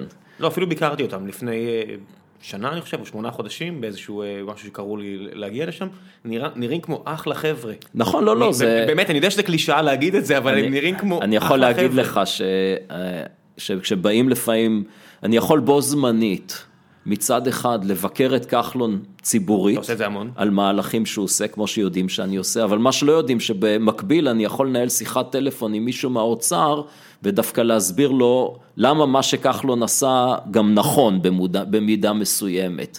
אה, ו- איך אתה מסביר את הדבר הזה? תראה, אני יכול למשל, עם הורדת המכסים שהוא עשה עכשיו, אז הביקורת הציבורית שלי על כחלון תהיה ביקורת מוצדקת, שהוא מוריד מכסים רק במקומות שאין תחרות מול המשק הישראלי, שזה קל לעשות, אף אחד לא מתנגד לזה. זה לא באמת מוריד את יוקר המחיה אגב, כי הורדת כי מס זה לא שבאמת היה לא פה- מורידה מחיר, היא רק מורידה את העלות לצרכן, אבל זה בעצם אה, חסרון כיס לממשלה. לא ש- בטוח שמורידה את המחיר לצרכן, יכול להיות שהיא מגדילה את שורת הרווח של היבואן. נגיד אפילו שה... אה, שה- יבואן אה, שומר פחות לעצמו. תראה, שוב, לאורך זמן, אם באמת שוק הוא תחרותי, אם שוק תחרותי, המכס מתגלגל לצרכן. כי יבוא יבואן אחר, כן, שינצל כן. את אם המרווחים כדי תחרותי, לנצח. כן, כן. ואולי שווה לדבר פה על ההבדל באמת בין מכס למכסה, אבל בכל מקרה, הביקורת שלי על כחלון, שהיא ביקורת מאוד נכונה ומוצדקת, אתה רוצה להוריד את יוקר המחיה, אתה צריך לחשוף את היצרנים הישראלים לתחרות מהעולם, לא להגן עליהם בחסמי יבוא ומכסים, זה דווקא המקום הנכון להוריד מכס, גם אם תעשיות מסוימות ייסגרו, אין לי שום בעיה עם זה, שתחום, דיברנו על זה קודם, שאין יתרון יחסי למשק הישראלי, ייכחד. בדיוק קראתי לתדהמתי שמאפיות או יצרני קמח בישראל, כדי לקנות חיטה מחו"ל באיכות גבוהה, במחיר נמוך, בשביל לייצר לנו את הלחם שלנו, חייבות לקנות חיטה ישראלית במחיר גבוה, זה התנאי ליהנות מהמכס. זאת אומרת, יש פה באמת סבסוד מאוד מאוד עקום ומוזר של מגדלי החיטה בישראל. למה אנחנו צריכים לגדל חיטה בישראל? זה לא שזה מבטיח לנו ביטחון תזונתי, מגדלים בישראל פחות מעשרה אחוז מהמזון שאנחנו צורכים ברמה של גרעינים. אפשר לחשוב שב-2017 אנחנו כן. חייבים גם חיטה, אתה יודע, התבגרנו, גדלנו. אמת, הבנו אמת. שיש גם, מה, כן. גם שיש מאכלים יותר ערך קלורי יותר טוב. תראה, אנחנו חייבים גרעינים. אנחנו חייבים גרעינים, מהסיבה שזה גם המזון לבעלי חיים. אבל אנחנו תלויים בעולם ליבוא. האשליה הזאת שאנחנו צריכים לגדל פה חיטה, כי אחרת... אנחנו מדינה אה, זהירה, אנחנו לא, בחיים לא נהיה משק אוטורקי, בוא נצא מה- מה- מהסרט חד הזה. משמעית. בוא בוא נפסיק את הלוקש חד הזה, זה משמעית. לא... בכל מקרה, אז פה הביקורת שלי על כך, ומצד שני, אני כן חושב שזה טוב שהוא מוריד, אז אני אומר, הביקורת שלי זה על זה שהוא פופוליסט חסר חוט שדרה, שמוריד רק איפה שזה קל ואף אחד לא מתנגד, ומפחד להתעמת. עם אינטרסנטים ולהוריד גם את המכס שמתחרה בהם. מצד שני זה שהוא מוריד, זה גם בסך הכל טוב, כי יהיה יותר יבוא, יהיה יותר ייצוא, יהיה יותר ייצוא, תהיה יותר הכנסה למשק, תהיה בכל זאת איזשהו אה, אה, שיפור ביתרונות, מיצוי של יתרונות יחסיים. אז פה זה חיובי, אז, אז אתה יודע, אז אני מדבר בשני קולות, מצחיק אותי, יכול להיות... אבל שר- זה לא בסתירה אחד לשני. יכול להיות אבל שר אוצר שהוא לא פופוליסט היום? יש, יש, יכול להיות פוליטיקאי שהוא לא פופוליסט בתחרות הפופולריות הזו?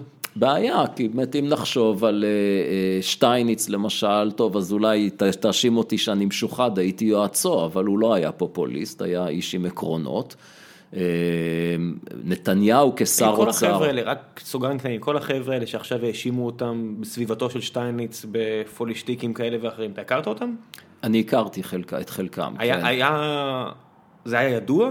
לא, זה, אתה, אז- קיב- אתה קיבלת את זה כהפתעה גמורה? אני קיבלתי את זה כהפתעה, כן, כן.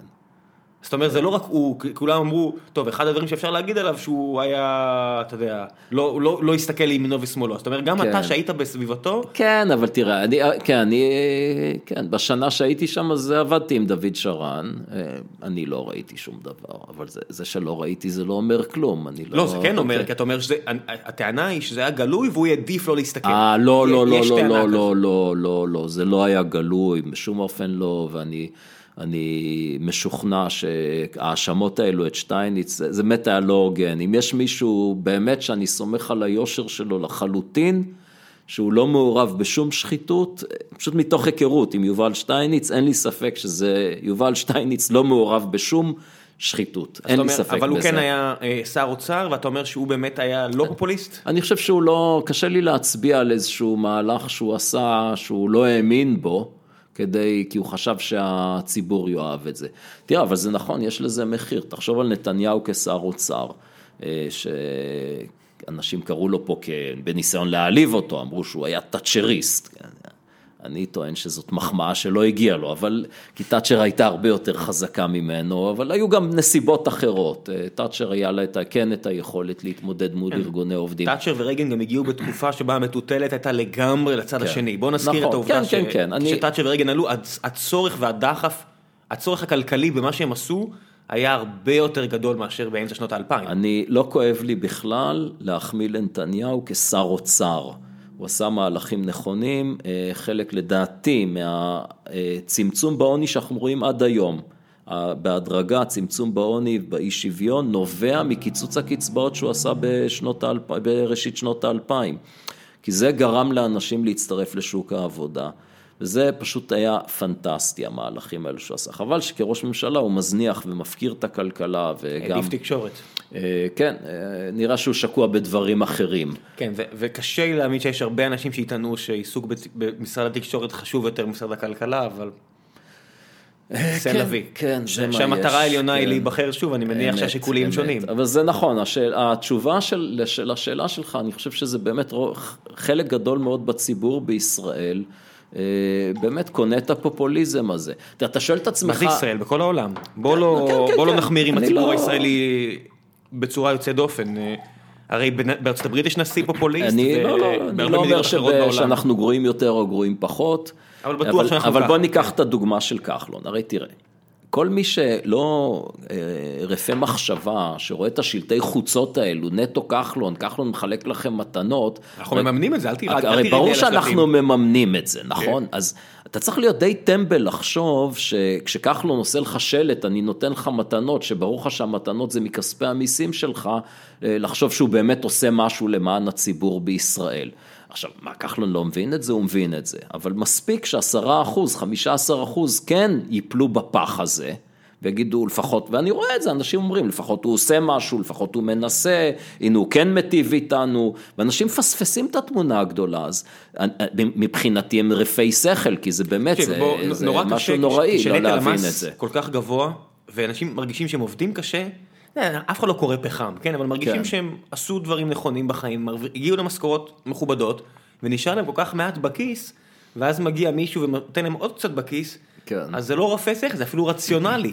ואז אתה אומר, הנה הבעיה, שנטל המס כזה גבוה, ונשאר לך באופן יחסי כל כך מעט בכיס, אם הגעת למשכורות שהן לא מבטיחות לך שום דבר מבחינת אבל הוא תנאי עושה החיים. בכיוון הפוך, כי כן. כשהוא נותן, כשהוא מגדיל הוצאה ממשלתית, זה נכון שכרגע הוא עושה את זה מקביל לקיצוץ מס, אבל בסוף את כל, כל הוצאה צריך לשלם בסופו של דבר, גם אם יהיה יותר גירעון.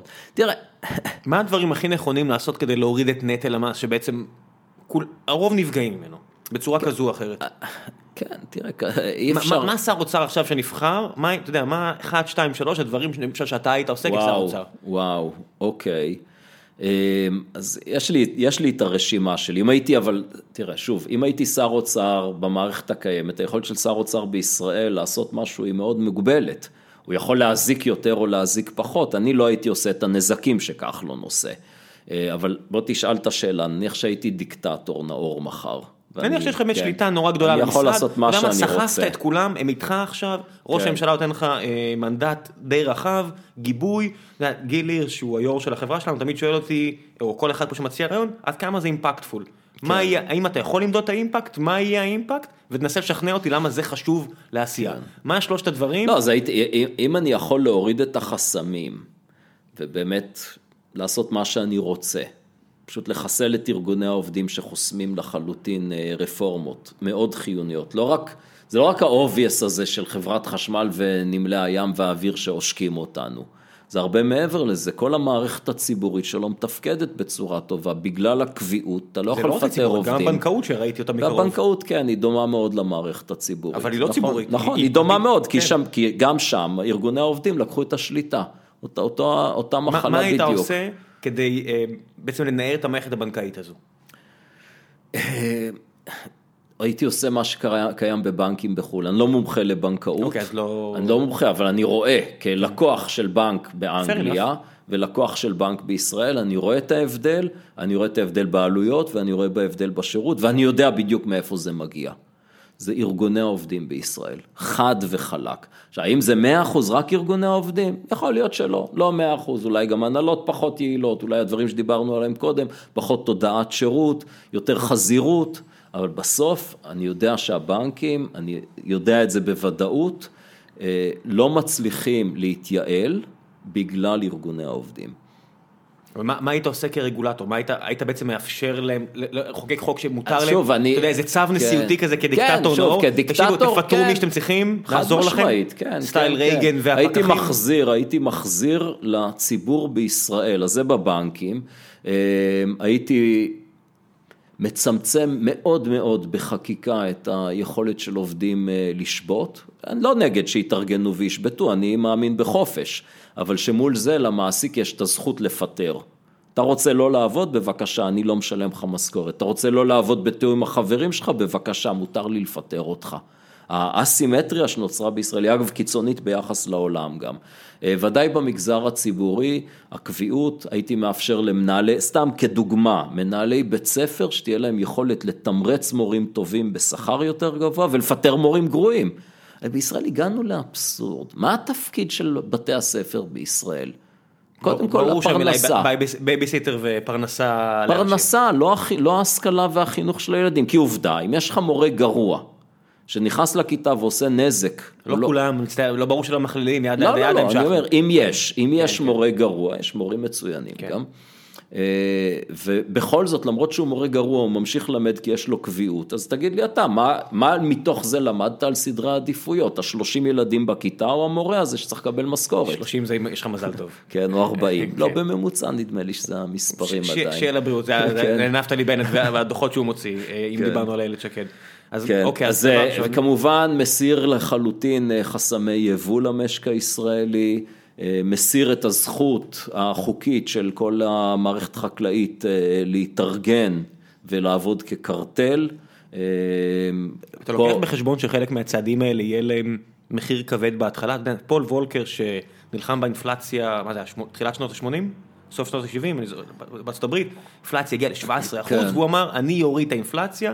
וכשהוא עשה את זה, אתה יודע, אנשים מתאבקים על דלותיו, דלותיו אומרים לו, בגללך הרסת לי את החיים, בגללך כן. זה, אני אומר, הרי פופוליזם מגיע מכך שקשה, כבן אדם, נכון. שבאים אליך אנשים ומאשימים אותך במשהו, אתה יודע, אנקדוטה זה לא צורת היחיד של מידע. כן. אבל הרבה פעמים אנקדוטה נשבר הלב, כי אנקדוטה זה, זה, זה, זה, האם יש לנו את היכולת היום, זה כמו שאני אומר, היום צה"ל יחשוב פעמיים לפתוח מלחמה, כי אין, אין לציבור פה יכולת לספוג הרוגים. אני חושב שהיום לשר אוצר לא בטוח שיש לו יכולת, ולמשרד האוצר, לעמוד בהחלטות קשות, אני לא בטוח שיש לו. לא, אני לא חושב שיש, אבל אני אגיד לך פה, אני אביא לעזרתי את אה, פרדריק בסטיה, הפילוסוף בן המאה ה-19, שאמר, אה, צריך לראות את מה ש...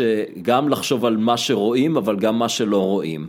והנה בדיוק הסיפור. נניח, ניקח את הדוגמה הקלאסית של חשיפה של ענף מסוים לתחרות מיבוא, ואתה אומר לי, הנה מפעל טקסטיל למשל, שמספק פרנסה לאנשים, אתה תאפשר יבוא של טקסטיל, העובדים האלו יפוטרו. זה מה שאתה רואה ונקרע הלב, ואני לא מזלזל לרגע במצוקה לא, של האנשים האלו. לא, זה באמת מצוקה סובייקטיבית של אנשים, שהם כמוך כמוני, פשוט החלטות שהם עשו, או, או נסיבות שקרו להם, וזה כנראה אפילו נסיבות לפני החלטות, הגיעו לסיטואציה הזאת, שהם באמת מרגישים כאילו חרב עליהם עולמם. אמת. אמת. אז זה מה שרואים, אבל הנה מה שלא רואים, שיש אנשים שהם מובטלים, ומסכנים ורוצים עבודה, ובזכות תוספת היבוא הזאת והגידול ביצוא, נפתחו מקומות עבודה והאנשים האלו מצאו עבודה. אז עכשיו תסכים איתי שאם בו זמנית קרה מהלך, מובטל מצא עבודה ועובד נהיה מובטל. אז קשה לך להגיד שקרה פה משהו טוב או משהו רע, אבל אם אתה רואה רק את החלק הרע, אז אתה תגיד קרה משהו נורא ואיום. וזאת הבעיה שלא רואים את התמונה המלאה. לכן צריך כן את הכלכלנים. אה, אז בגדול, מסיר רגולציה מזיקה, מאפשר למשק הישראלי, מוריד מיסים, מפשט את מערכת המיסוי. אגב, ברגע שלא תהיה קביעות במגזר הציבורי, אתה תוכל לבצע, הממשלה תוכל לבצע את אותם דברים בתקציב הרבה יותר נמוך. אה, אז בסופו של דבר אני כן... כנ"ל לגבי בנקים. בוודאי, בוודאי. אבל אני רוצה ברשותך אולי מהמקרו לדבר על מיקרו של אה, מדיניות ומיסוי ולהמחיש איך לפעמים דבר, דבר שהוא לכאורה קטן, אה, קצת אובדן דרך. ואני חושב, זו דוגמה לכאורה קטנה, אבל היא קשורה גם למחיר למשתכן, שזה ודאי לא משהו קטן, וזה הסיפור של חשיפת המשק ליבוא דרך אה, צמצום מכס במכסה. בשונה מסתם הורדת מכס. אז בוא נתחיל בהבדלים בין השניים. בדיוק. אז תראה, מה, מה הסיפור בעצם? יש לנו תחומים שבהם אה, אין במשק הישראלי ייצור, כמו אה, סלולרים, ואז אה, אם רוצים לחלק מתנות לציבור, אז מורידים את המכס על הסלולרי, אין לי התנגדות לזה, רק צריך להבין, שוב, אין פה באמת הורדה של יוקר המחיה. לפעמים, אפילו שרי אוצר פופוליסטים, או אולי במיוחד פופוליסטים, שמצד אחד מפחדים לפגוע בבעלי אינטרס, למשל החקלאים או מגדלי הדגים, ואז הדג המקומי שמגיע לשוק הוא יקר. אומרים, רגע, פסח עוד מעט, בואו ניתן גם צ'ופר לאזרחים. אז אומרים, אוקיי, אז בואו נעשה באופן זמני הורדה של המכס, אה, או גבינה בישראל, גבינה קשה היא מאוד יקרה, נעשה באופן אה, זמני הורדה של המכס, או באופן קבוע, אבל נעשה את זה בצורה, הם משתמשים במין במאוזן, לא יותר מדי, כדי שגם לא נפגע ביצרנים מרגיש המקומיים. לי כל פעם שאתה אומר את זה פקטורים מסובכים מדי, שאתה יודע שהאקדמיה מפשלת, יש פקטורים מסובכים מדי כן. לציון. תמיד אני חושב על זה, משהו פה התקלקל בדרך. כן. אז בסוף, יש, הנה הנושא, יש לנו תחום שלא רוצים לחשוף אותו לחלוטין ליבוא, כי לא רוצים לפגוע ביצרנים המקומיים, הדוגמה הגבינה קשה למשל, אה, שזה יפגע בעיקר במגדלי החלב, יצרני החלב בישראל והמחלבות, אה, אבל מצד שני כן רוצים אה, טיפה לייבא כדי להוריד את המחיר. אז איך אתה עושה מצב שאתה מייבא, כן, אבל לא בצורה חופשית. כלומר, אתה רק קצת מוריד את המחיר, לא עד הסוף. הצורה הכי פשוטה, זה במקום מכס של 100%, תעשה מכס של 50%, תוריד את שיעורי המכס, ואז בתחרות, חופשי לגמרי, כל מי שרוצה ישלם את המכס הזה, והגישה הזאת אומרת שאם יתקיימו תנאי תחרות, ההנחה במכס על פני זמן, לא מיידית. על פני זמן ייכנסו יבואנים, תהיה תחרות וההנחה במכס הזאת תרד, תתגלגל לכיסא הצרכנים, אבל מאחר והורדנו את המכס רק מ-100 ל-50, המחיר לא ירד למחיר העולמי, הוא עדיין יהיה גבוה יותר, ואז גם היצרנים המקומיים יוכלו להתפרנס. הגנה חלקית. הגנה חלקית. אבל הנה אלטרנטיבה להגנה חלקית. האלטרנטיבה הזאת היא בצורה של מכסה. תגיד, בוא נעשה יבוא של גבינה קשה באפס מכס, או במכס מאוד מאוד נמוך, אבל בכמות מוגבלת. זה האלטרנטיבה. האלטרנטיבה הזאת היא גרועה מכל הבחינות מהאלטרנטיבה הפשוטה של מכס. ולכן משרד האוצר דווקא הלך לאלטרנטיבה הגרועה הזאת. למה? כי היא יותר פופוליסטית. מדוע? כי מה שהם עשו, עשו דבר, את הדבר הבא. אמרו בואו נעשה, אה, ניתן מכסות, המכסה תהיה למי שיזכה במכסה במכרז על הבטחת מחיר נמוך ביותר לצרכן. אז קודם כל, ברגע שאתה נותן מכסה, אם המחיר לצרכן הוא מחיר שוק, אז נוצר פה רווח עודף ליבואן. אוקיי, אז את זה נגיד שהם חיסלו על ידי זה שהורידו את המחיר, אבל אז אתה מקבל מצב של שני מחירים בשוק בו זמנית. ונגיד אפילו של שני מוצרים שהם כמעט זהים לחלוטין. המוצר המקומי יקר והמוצר יבוא זול. איך יכול להיות שיש לך שני מחירים שונים לאותו מוצר, שיש לך מכסה עליו וכמות מוגבלת. ואז בעצם היה צריך לעשות גם מחיר לגבינה, כמו מחיר למתגבץ, אני יודע, לאוכל הגבינה, כמו מחיר למשתכן. אתה מוצא את עצמך עם גבינה ישראלית בעשרה שקלים וגבינה הולנדית לא פחות טובה בשלושה שקלים. נכון, נכון, למאה גרם כמובן, צריך כן, להגיד, ודאי, לא ודאי, לקילו. כן. אה, אמת.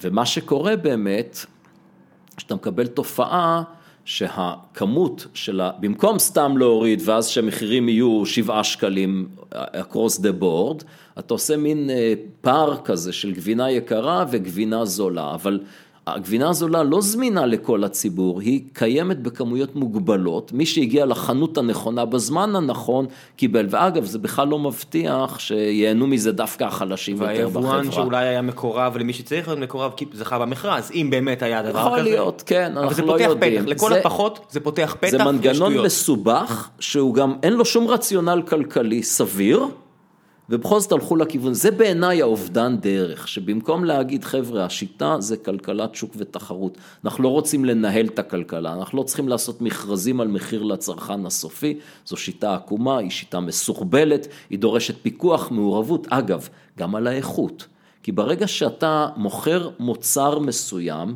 בכמות מוגבלת מתחת למחיר השוק, אז בעצם אתה יכול גם למכור מחיר קצת, מוצר קצת פחות טוב. כי מה אכפת לך, הרווח מוגבל. נכון, אתה יכול להרוויח על ידי הורדת איכות, איפה ראינו את זה? מחיר למשתכן. קלאסי. בשוק חופשי, שאתה פשוט מגדיל היצע ודרך זה מוריד מחיר, הקבלן והקונה הם שווים בשני צידי המשוואה הזאת, והקבלן צריך לתת מוצר שהקונה ירצה כי הוא מתחרה. אבל ברגע שהמוצר הזה ב-200 או 300 או 400 אלף יותר זול ממחיר השוק, ומולו עומד קונה אחד, הוא יכול גם לתת לו מפרט קצת פחות טוב. כן, ויש גם לחץ לקנות, כי זה דיל, ואתה לא רוצה לצאת פראייר. כן. ו- כן, ואז הממשלה צריכה פתאום להתחיל לעשות רגולת, פיקוח. בשביל מה? איפה שאפשר, תן לשוק לפקח. כן, זה מזכיר לי טיפה, אתה יודע, סיפורים על מוגאבה באפריקה, שזורק, אתה יודע, חג, איזשהו חג, אז נזרוק קצת הטבות כדי להישאר בשלטון עוד שנה. אבל בוא, בוא נעבור, ומן הסתם ההשוואה הזאת קיצונית, וזה כן. לא, לא הכוונה, אבל זה, זה הראש שלי הלך לשם. אה, שאלות מהקהל. יאללה. אה, גל אה, שחף שואל, טוב, איכשהו אנחנו נגיע שוב לזה, אמרתי לעצמי שלא לא נעלה את זה בקצרה, כי כבר טחנו את זה מכל הכיוונים. אה, מה דעתך על ביטקוין או, בכלל, או באופן כללי קריפטו קרנסי, האם אנחנו בדרך לעוד בועה או שיש לזה סיכוי? קשה לי לדעת, אני לא, זה לא תחום ש... יש מישהו שיודע בעולם הזה? לא, אני לא גם, לא חושב גם שמישהו יודע. באת להגיד שאתה לא מומחה, אפשר לחשוב כן, שיש מישהו שכן נכון, מומחה. נכון, נכון, אבל אני, תראה, זה דורש איזו הבנה מסוימת כדי להבין שאתה לא מבין. מקבל את זה לגמרי. אני מציע שפשוט נעבור על זה ואני מצטער. אה, ואני אגיד על זה, מאחר והעלית, אולי אני אתן, כן, כן אני אגיד מילה אחת. אני מצטער שקטעתי את דעתך. כן, אני אגיד ככה, הסיכוי לדעתי שזה באמת יהפוך למטבע שיש לו את התכונות של מטבע, זאת אומרת שהוא יציב, שיכול באמת לשמש למסחר, הוא לא גבוה, אה, כי חסר שם את העוגן שיש למטבעות שמדינות מנפיקות. אם זה בעבר היה בסיס זהב, היום זה לא, אבל יש את היכולת לשלם מיסים בזה. יכול להיות שאם ממשלה, אם ממשלת ארצות הברית תכריז שמהיום אפשר לשלם מיסים בביטקוין בשער מסוים, זה יקבע את השער שלו. זה יקריס את השער אבל, מיידית, כי אה, פתאום כן. זה אומר שזה איזשהו פיקוח, ותתחיל לשלם מיסים על זה, אז אבל בסדר. לא, אתה יכול לשלם עם זה מיסים, כן, זה, אז זה, יכול להיות. כן. אני לא יודע להגיד שזה יקרה, בינתיים זה נראה שזה לא מתכנס לכיוון של מטבע בגלל התנודתיות הגדולה, וזה משהו בשונה, עכשיו יש פה עוד נקודה מעניינת לדעתי. אה, מה החיסרון של, ה... של בסיס הזהב, כשאשר מול כל שטר נייר, פיסת נייר, שאין לה ערך עצמי, זה סתם חתיכת נייר, כמה עולה אה, לייצר שטר של 200 שקל? כמה אגורות, זה לא עולה 200 שקל. אם היית בבסיס הזהב, אז כדי, מול שטר של 200 שקל היה צריך להיות זהב שבשווי של 200 שקל. זה בזבוז אדיר של משאבים. כן, תחשוב שבשביל להדפיס שטר של 200 שקל היית צריך לשלם 200 שקל, אבל זה הביטקוין. ההגנה על הביטקוין בפני זה שיפציצו את השוק בכמויות גדולות, זה שמאוד מאוד יקר לכרות אותו. אחוז מהחשמל העולמי, אתה מבין? בדיוק, אז... חזר, חזרנו אחורה, עכשיו, אבל... תראה איזה בזבוז מה... משאבים אדיר שיש פה. כן. אבל בשונה מזהב, מטבע מזהב, תמיד יש את הזהב ששווה משהו גם לשימושים אחרים. ביטקוין אין לו שום ערך אחר. להפך, יש פה בעצם אובדן ערך בגלל החשמל. בדיוק, אובדן ערך אדיר, ולא כן. ברור שזה אבל יתכנס. אבל לא, זה לא דעה, זה סתם היה שתי דקות, אל, אל תצלבו אותי. כן, אני לא יודע מה יקרה כן. בעתיד כן. עם זה. אה, יצחק קרומיין שואל, אה, אורי כץ, זה, הוא רושם כץ עם גרשיים, זה כץ בלי גרשיים, נכון? שזה... אורי כץ? אורי כץ, סליחה. כן. אורי כץ אה, שהתארח אצלנו. אורי כץ העלה פוסט מעניין על היחס בין דמוגרפיה גבוהה לחוסן כלכלי. מה דעתך על הנושא? איך עובדת האקטואריה בנושא? כן, אה, אני חושב שזו עובדה ידועה, אה, לפחות למי שמכיר קצת את הנושא, שילודה מופרזת מתואמת עם אה, כלכלה לא, מוצל... לא מפותחת. כמובן שיכול להיות שיש מדינות במערב שהלכו לקיצוניות השנייה ושם הם יסבלו באמת מבעיה של ירידה באוכלוסייה ושיהיו יותר זקנים מצעירים. אותו יעקב מדנמרק הראה לנו פרסומת של המדינה לעודד אותם לקיים יחסי כן. עכשיו, להם יש פתרון של להביא מהגרים, וזה חלק מה... אז אירופה תשנה את אופייה על פני זמן. יביאו מהגרים, זה פתרון אפשרי, אבל אם אתה עושה יותר מדי ילדים, ואני תמיד מתעב את הדמגוגיה שאנשים אומרים לי, אתה אומר שיש פה יותר מדי ילדים, מה עדיף אירופה? לא, לא עדיף, אבל אני לא יש רוצה... יש באמצע, 2.1. כן, כן, בדיוק, בדיוק. יש פה יותר מדי, דיברנו קודם על כמות מול איכות, נדמה לי בהקשר אחר, אבל גם פה אין שום סיבה. אה, לחשוב שזה שדווקא העניים בחברה עושים הרבה ילדים, שזה תורם לחוסן שלנו. צריך להגיד, אה, אנחנו לא מדברים פה על הגבלות, אלא על הורדת תמריצים. נכון, כן, נכון, פה, אני לא... כן, תראה, הבעיה היא כזאת, שכשמישהו שמחליט לעשות את הילד החמישי, שישי, שביעי, שמיני שלו, הוא לא מחליט החלטה שאין לה השלכות, הוא מחליט החלטה שמטילה עליי ועליך עלות כלכלית כבדה. למעשה אני חושב שיש פה אולי אפילו הסטת ילודה. כי אתה ואני, כשאנחנו חושבים על עוד ילד, אנחנו חושבים על עלות כספית מאוד מאוד כבדה. אני חושב מיליון שקל. יפה. עכשיו, ככל שיטילו עליך יותר מיסים, אתה תבחר לעשות פחות ילדים. ולכן כשיש לך אוכלוסייה, נגיד החרדים, שמחליטים לעשות המון ילדים, זה לא רק שהם עושים הרבה ילדים, מקטינים את הילודה שלך. אנחנו חד משמעית שיחות ביני לבין דורון, אתה יודע, יש לנו איזה מכר שמכרו את החברה שלו, החברה נמכרה, אז כששאלנו אותו מה אתה הולך לקנות דירה, הוא אמר לא, אנחנו הולכים להביא עוד ילד. והוא לא, וזה בלי צחוק, זה כן, מחשבה כן. כלכלית נטו, נכון, של נכון. האם אני יכול לדאוג נכון. לאיכות חיים או לא, או לאפשרויות. זה מצחיק, בישראל זה נהיה עכשיו כבר, אה, היה על זה בקטע בארץ נהדרת או? משהו כזה, שילדים זה סמל סטטוס כבר נהיה. שאם אתה כבר במאיון העליון, במה תשוויץ? בזה שאתה עושה את הילד הרביעי או החמישי. כן, כי זה סיגנל לסטטוס אה, כלכלי גבוה. אה, יאיר אביב שואל, אה, בעצם אני אצמצם את השאלה שלו, הוא אומר, אה, אם אתה בעצם מסכים עם כך שבעצם טענה שהיה לנו פה, שבעצם יש המון פופוליזם, איך אתה עדיין יכול לטעון שיש אה, מקום להתערבות של המדינה והממשלה?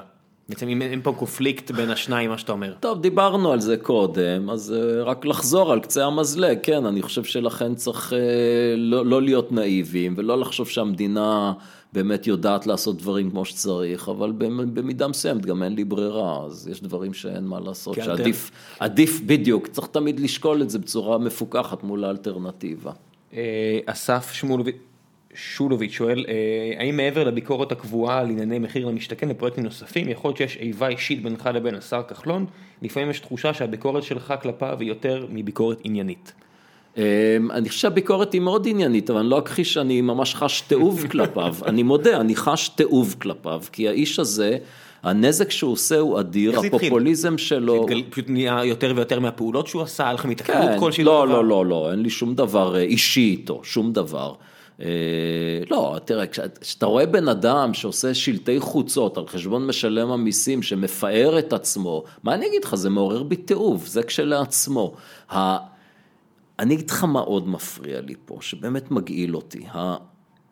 כל המשימה שלי בפעילות הציבורית הזאת שלי זה להפוך אנשים, לה, לה, להגדיל ידע, להיות יותר רציונליים לגבי הכלכלה, להבין מגבלות, להבין שאין הוקוס פוקוס, להבין שאין לממשלה עץ של כסף, ופתאום אני עומד מול שר שבעצם אומר לציבור את ההפך, וזה מתסכל ומקומם, ולהפוך, לה, לתקן את הנזקים שלו יהיה מאוד קשה, אבל כן, כל המלחמה במשקיעים, זה כבר, זה, הם משתמשים במילה מלחמה במשקיעים, מי זה המשקיעים האלו? אנשים שרוצים להשכיר דירות, עושים טובה לציבור בישראל, אנשים שקונים דירות אה, לא יודע, להשכרה. לא יודע- לא יודע אם עושים טובה. הם- לא, הם- לא, להם זה אינטרס לא ש- המניע שלהם, ברור. לא, לא, כן, אומר, אני לא אני לא מסתכל עליהם. על טובות, כל אחד לא, לא, הוא באינטרסים עושה שלו. משהו, אבל זה טוב לנו, במובן אני הזה. סוחר, אז כן, הייתי מאוד גם שמח אני שנותנים- סוחר. אני מאוד שמח שנותנים לי את האפשרות לא כן, לקנות דירה. בדיוק, אני לא רוצה בדיוק, לקנות דירה, כנראה עוזרים לי. אז גם אני, אני אני רואה שאנחנו שני המבוגרים היחידים בישראל שעוד סוחרים.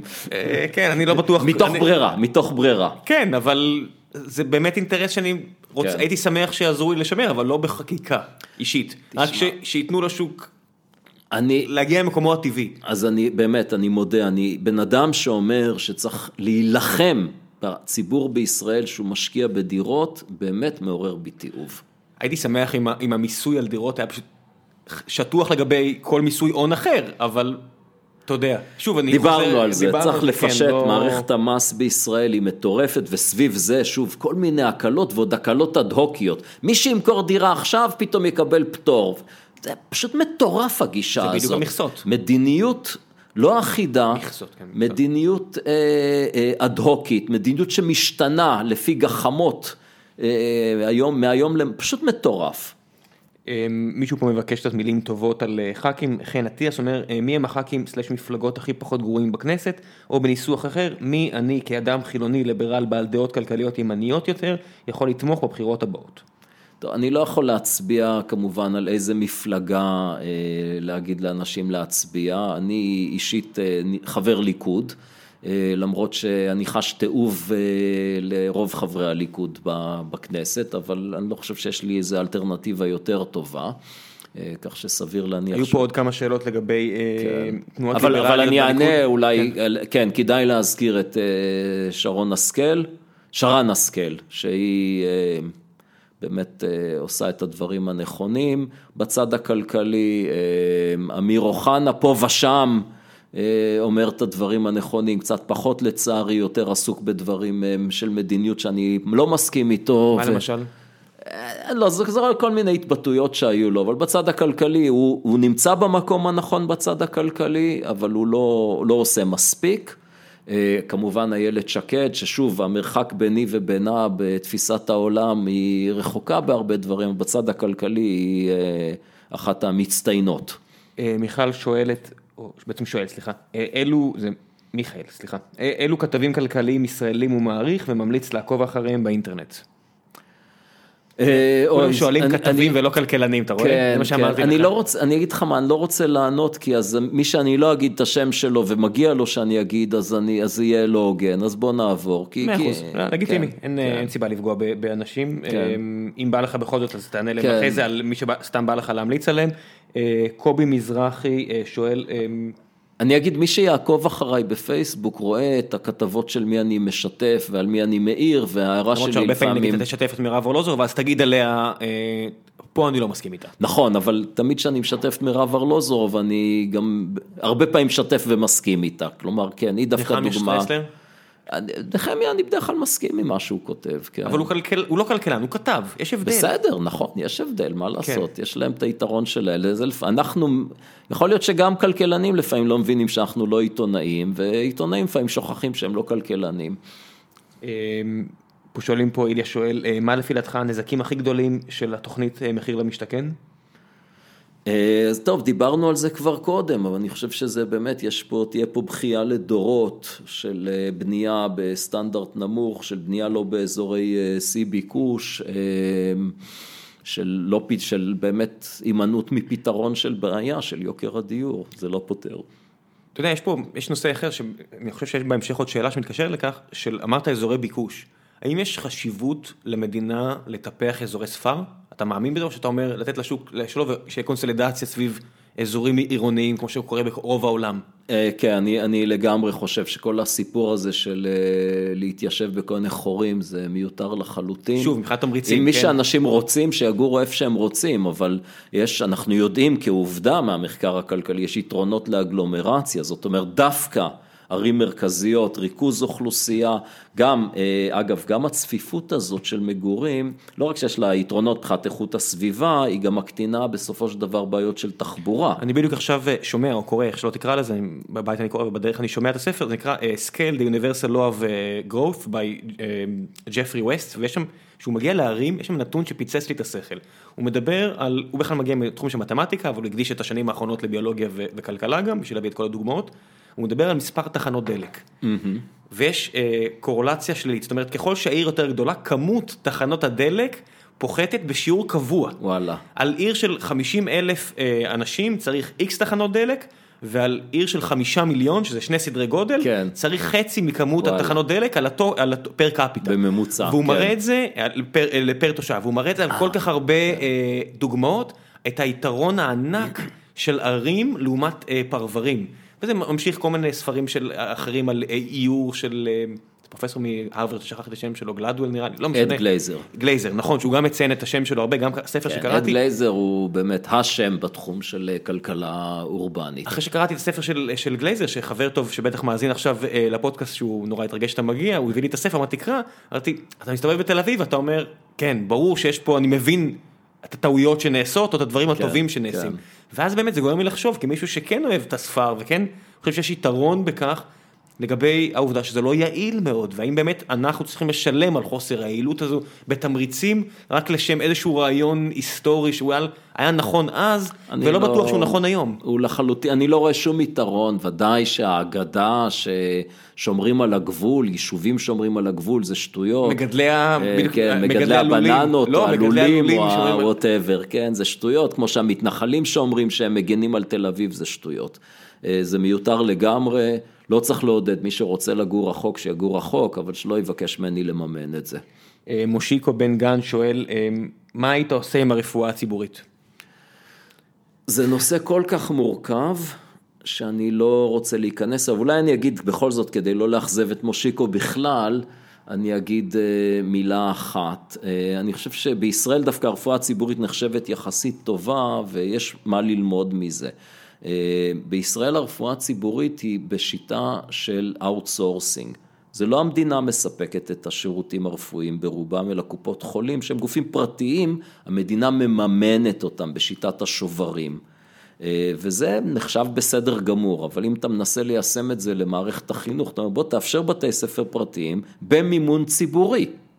וזה נחשב, וואו, זה קפיטליזם ב... קיצוני. חפרתי על זה בזמינות סקנדינביה, זה באחוז נורא קטן שם. נכון, נכון. רק 15 או 14 אחוזים. לא, תשמע, לא כל מה שקורה בסקנדינביה זה נכון לא, מעניין אותי למה זה לא כן. הצליח שם יותר. מה הבעיות בשיטה הזו בחינוך?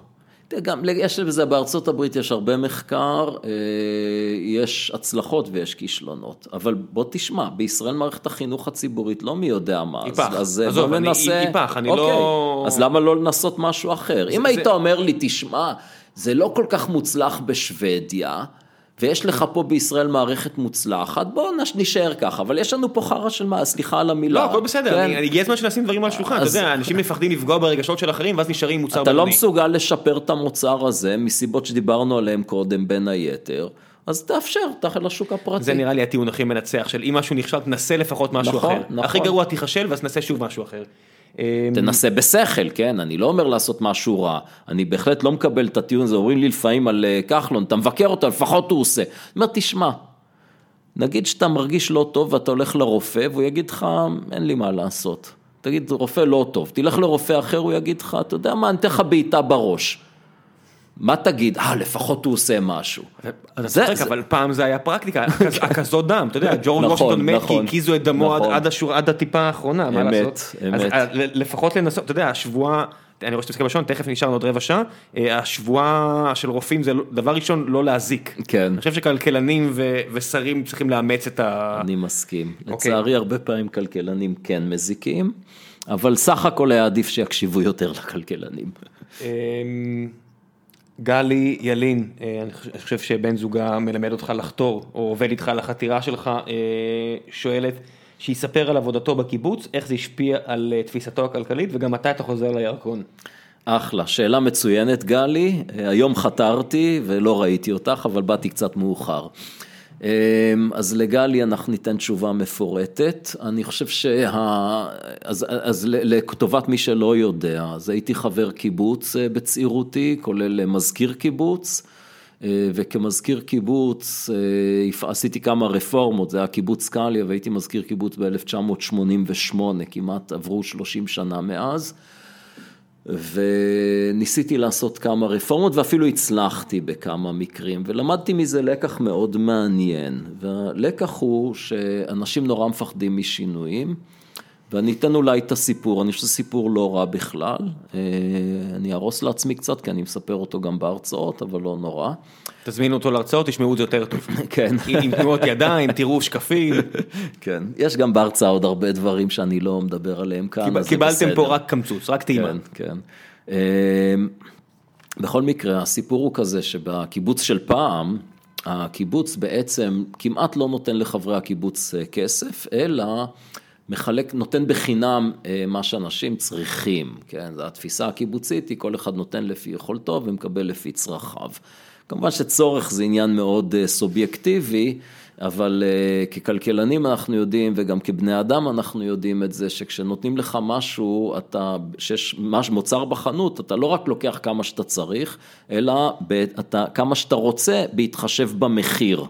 ואם דברים הם בחינם, אז אנשים משתמשים ונוצר בזבוז מאוד גדול. ובקיבוץ באמת נתנו המון דברים חינם, אני לא מדבר על האוכל בחדר אוכל, שיש איזה יתרון, שאוכלים ביחד ויש מפגש חברתי, אלא על תראה, מוצרי ניקוי, מוצרי היגיינה, סיגריות אפילו, כן, כי אם החבר קיבוץ צריך לעשן, הקיבוץ צריך לספק לו סיגריות, אבל כשנותנים לך סיגריות חינם אתה מעשן יותר, אז זה הגיע לאבסורדים אה, ברמה הזאת, ואז כחברי קיבוץ מצד אחד היינו עשירים מאוד, כי היה לנו חינם המון המון דברים, מצד שני היינו עניים נורא, כי אם רצינו משהו שהוא לא היה במסגרת החינמים האלו, אין לך שום יכולת להשיג אותו. אין את היכולת, זאת אומרת יכולתי לחפוף את הראש, את השיער אה, שבע פעמים ביום. אתה רואה מה קרה, בדיוק. ו... אבל אם רציתי ללכת לשבת בבית קפה, אז אה, זה לא, זה, מזה הייתי נמנע. אז, אז הדברים האלו הם מאוד בעייתיים. אני הצעתי כמזכיר קיבוץ, אמרתי בואו נעשה חישוב כמה הדברים עולים לנו וניתן לכל חברי הקיבוץ את הכסף, כל אחד יקנה מה שהוא רוצה, בלי לוותר על עקרון הערבות ההדדית והשוויון וכולי, באמת רק צעד שמשפר ומייעל. והייתה התנגדות בהתחלה כמעט גורפת. בסופו של דבר, אחרי המון המון שכנועים ודיבורים והסברים, והסכמה שמדובר על החלטה לתקופת ניסיון בלבד, זה עבר באספת חברי הקיבוץ על חודו של קול, עד היום אני זוכר את זה, על חודו של קול ההצעה שלי התקבלה לתקופת ניסיון. כשנגמרה תקופת הניסיון, לא היה אחד שרצה לחזור אחורה. השיפור באיכות החיים היה דרמטי. זה מראה לך כמה אנשים מפחדים משינוי, וזה, דומ, וזה קשור להמון דברים אחרים. אז אני הגעתי למסקנה אה, שסוציאליזם הוא מאוד בעייתי, אני חשבתי שאולי במסגרת כלכלה קפיטליסטית יש מקומות לאיים של סוציאליזם, כמו קיבוץ, אה, אני עדיין חושב כך, אבל תאי צמצמתי לתא משפחתי. אה, ואני מקווה שאולי בעתיד אני אצמצם את זה יותר מבחינה אידיאולוגית. אוקיי, okay, כמה, שתיים, שלוש שאלות אחרונות, קצרות בתקווה. יריב לכנר, לצ'נר שואל, מה יגרום לך להיכנס לפוליטיקה? וואו, לא, אני לא, לא חושב על זה כרגע בכלל, זה נראה לי סיוט. יש פה עוד בקשה מצד אלון, המלצות על כלכלנים או מכוני מחקר שאתה ממליץ לקרוא את עבודתם. אתה בטח תגיד אותו דבר כן, כמו אני, ה... אני אפספס, אז פה ושם, לפעמים אני כותב על זה משהו, אז כן, אני, אני יכול להגיד כמה, ברור שאני נורא ממליץ לאנשים לעקוב אחריי בפייסבוק, וממליץ על אורי כץ ועל אסף צימרינג ונער אוצר, ויש...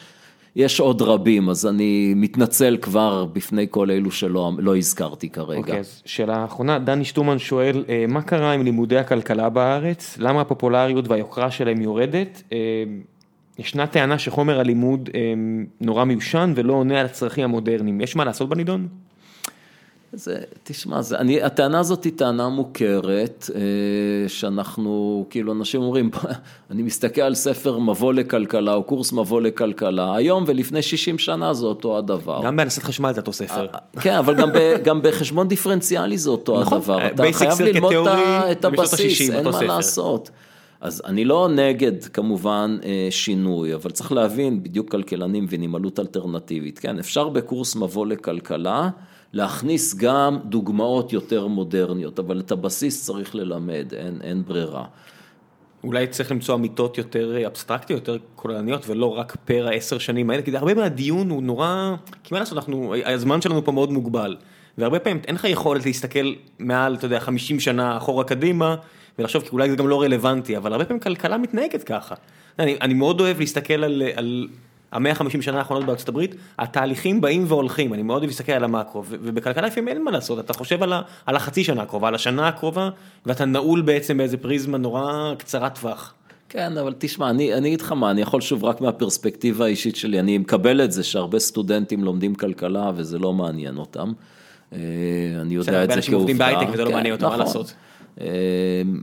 אני, אני יכול רק מהפרספקטיבה שלי, כשנכנסתי בשערי האוניברסיטה לעשות תואר ראשון, אה, וואו, כל כך אהבתי את הקורסים בכלכלה, למרות שזה לא היה אקטואלי וכאילו על, זה באמת המודלים הבסיסיים, שדות, פועלים, תפוקה שולית, עלות שולית, ופתאום כזה זה כל כך, כל כך התחברתי לזה ויכולתי לעשות, ויכול להיות שבגלל שהייתי בגיל קצת יותר מבוגר, אחרי שכבר הייתי מזכיר קיבוץ, רק אז התחלתי תואר ראשון. אה, יכול להיות שזה עזר לי לעשות את החיבור הזה של, כן, מה שלרוב הסטודנט נראה כמשהו אבסטרקטי, מנותק מהמציאות, לי זה נראה מאוד מחובר למציאות. אוקיי, okay, אז בואו נגיע לחלק האחרון של הפרק, אם יש לך משהו להמליץ uh, למאזינים, כל דבר שבא לך, ספר, סדרה, כמו פעם שעברה, מה שבא לך, פעילות, uh, זמן לקידום אישי, איפה רואים הרצאות שלך, אפשר להזמין אותך להרצאות, איפה אפשר לקרוא אותך, איפה אפשר לצרוך דברים שאתה מייצר. לך על זה. אוקיי, אה, קידום אישי, אז אני אגיד שתעקבו אחרי הפייסבוק ויש הרצאות, אה, אנשים נהנים מההרצאות, כך שמעתי. אה, המלצה, מתי... איך, אפשר, איך אפשר להגיע אליך, לפנות אליך בפייסבוק אם מישהו רוצה להזמין אותך להרצאה?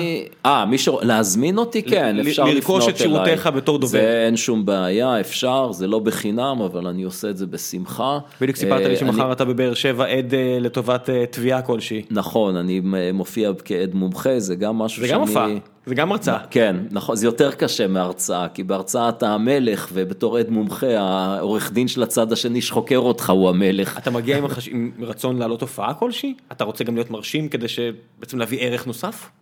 אני רוצה לעשות עבודה טובה, כמובן. איך אתה מגיע לבוש לדבר כזה מעניין אותי? לא, יש כן, כן, לא כמו שאני לבוש עכשיו. לא, לא, באמת, אבל עם, אה, מעניין אותי, מה, יש קוד לבוש? לעורכי דין כן, לעדים מומחים לא, אבל אתה מקובל להגיע מכובד, לא צריך חליפה עניבה? ועניבה, לא לא? לא, לא צריך, לא צריך, אבל... אי אה, פעם לבשת עניבה בארץ? כן. באיזה כן, סיטואציה אתה כן. לבשת עניבה? מה, בכנסת? אה, לא. אה, מתי לבשתי עניבה? אני חושב שהזמינו אותי פעם להיות דובר אה, ראשי באירוע מכובד, אז ככה אה, ביוזמתי לבשתי עניבה. פעם, אפילו זה קיים ביוטיוב, תראה, יש הרצאה שאני נותן באוניברסיטה העברית לציבור הרחב, אז הפתעתי את המארגן, אבל באתי בחליפה קומפלט. חסר אה, לך בארץ שלא מתלבשים ככה? לא, לא, אני לא, אני לא אוהב להתלבש, זה, אני, באנגליה אני מניח שאתה כן צריך. אני באנגליה כמו שאני כאן, באמת? מלמד בחולצת טריקו, או באמת? במשהו יותר חם כשקר, אבל אה, כן. ומקבלים את זה בעין יפה? כן, תראה, המחלקה שאני עובד בה היא מכל העולם, יש שם יותר, אה, לא יותר ישראלים מאנגלים, אבל ההפרש לא גדול. האמת שהם מסתכלים, אפילו כן. קיין זה היה מגיע בתלבשות משוגעות כאלה, זה היה הקטע שלו, אם אני זוכר נכון שקראתי. אתה יודע, זה זה... אני. לא מלמד בבית ספר למינהל עסקים. ושם כן אתה חושב היית צריך? בבתי ספר למינהל עסקים מקובל אה, להתלבש? יותר כי אם- מכובד. הם משלמים הרבה כסף לפחות יש שיקבלו איזה שואו. מין נורמה כזאת, אני לא, לא ברור לי. בדיוק למה. אה, מעניין מאיפה זה מגיע. אגב, עורכי דין, יש להם, כן, קוד לבוש מאוד מאוד ברור, הגלימה הזאת וחולצה לבנה ו- וכולי, אבל אה, עד מומחה צריך, רק רצוי להפגין כבוד, ולא לבוא בסנדלים וחולצת אפשר להאשים אותך. בזילות אם אתה לא מגיע? זה... לא יודע. איך נראה התהליך? אתה מגיע, אומרים לך בוקר טוב אה, פרופסור, אתה מתיישב על איזשהו כיסא ומתחילים לחקור אותך? כן, יש, אה, יש בבית משפט בישראל, יש את אה, השופט לא שיושב. מאחורי במה, באמת? איזה בורות, לא הייתי אף פעם. כן, ויש את ה... מולו יושב הצד של שני הצדדים בתביעות אזרחיות. יש ו- קהל? יש, לפעמים יש, כן. מותר? כן, יש, רוב הדיונים פתוחים. לא שזה, רוב הנושאים הם, אה, שאני עוסק בהם כעד מומחה, אתה יודע, זה ויכוחים על, אה, על אה, מיסוי, דברים מהסוג הזה, זה רציתי לשאול לא... אותך לפני כן, איך המדינה צריכה מישהו מהשוק הפרטי שיעזור לה, היא קבעה את החוק, היא קבעה את ה... מה, זה, אתה מפרש את החוק? אז תראה, א', המדינה קבעה את החוק, אבל לפעמים יש ויכוח, לכן יש גם בית משפט, ואני אף פעם לא, לא שכרה אותי ישירות המדינה, בדרך כלל זה, מי ששוכר אותי זה דווקא אנשים שבוויכוח משפטי מול המדינה, אבל פעם אחת כן, בית המשפט אה, שכר, זה הכי נוח, להיות עד מומחה מטעם, לא אחד הצדדים, אלא מטעם השופט. ז- זאת עמדה נוחה, כי מראש ברור שאתה באמת יותר אובייקטיבי. על איזה נושא למשל אתה יכול, אפשר להזמין אותך להיות אני יכול להגיד לך שני נושאים שעשיתי, אני לא אדבר על מה שאני ודאי, מחר. צנעת- צנעת הפרט גם וזה... כן, לא, אבל שני נושאים שהם גלויים כבר, שידוע, לא, אני אומר, מחר זה עדיין לא- כן, עדיין לא הוכרע. עדיין זה לא, לא, כן. אבל אני אתן לך דוגמה אחת שהייתה מאוד מעניינת, וזה הסיפור של אה, תביעה אה, כנגד המדינה, על נושא של מס, והנה הסיפור. אה, על פי התקנה, יבואן היה צריך לשלם, כל היבואנים בענף היו צריכים לשלם מכס מסוים. התקנה לא חודשה, היה מחדל של אה, רשות המיסים כנראה, או משרד האוצר, לא משנה, כמחדל שכחו לחדש את התקנה הזאת, ואז אין ויכוח, על פי חוק בשנה מסוימת, אותן חברות לא היו חייבות לשלם את המס הזה, אלא מה, הם לא שמו לב וכן שילמו את המס. אוקיי, גילו שהם לא שילמו את המס, ביקשו אותו חזרה. היית מצפה, אם שילמת מס שבאופן אין ויכוח, מעל לחוק, לא היית צריך לשלם אותו, זה נקרא החזר מס, זה מה ש... אז בשביל זה יש אני משלם לאותו. רואה חשבון שדיברתי עליו. אבל במקרה הזה אין החזר מס, ובצדק. למה, המשכיות בלי חקיקה? הסיפור הוא כזה, לא, הסיפור הוא סיפור כלכלי ולא חוקי, לכן, לכן באמת היו צריכים כלכלן פה. החוק בישראל מכיר בנושא שאם חויבת במס בטעות, אבל אתה מגלגל את המס הזה לצרכנים שלך, אז אין סיבה להחזיר לך את הכסף.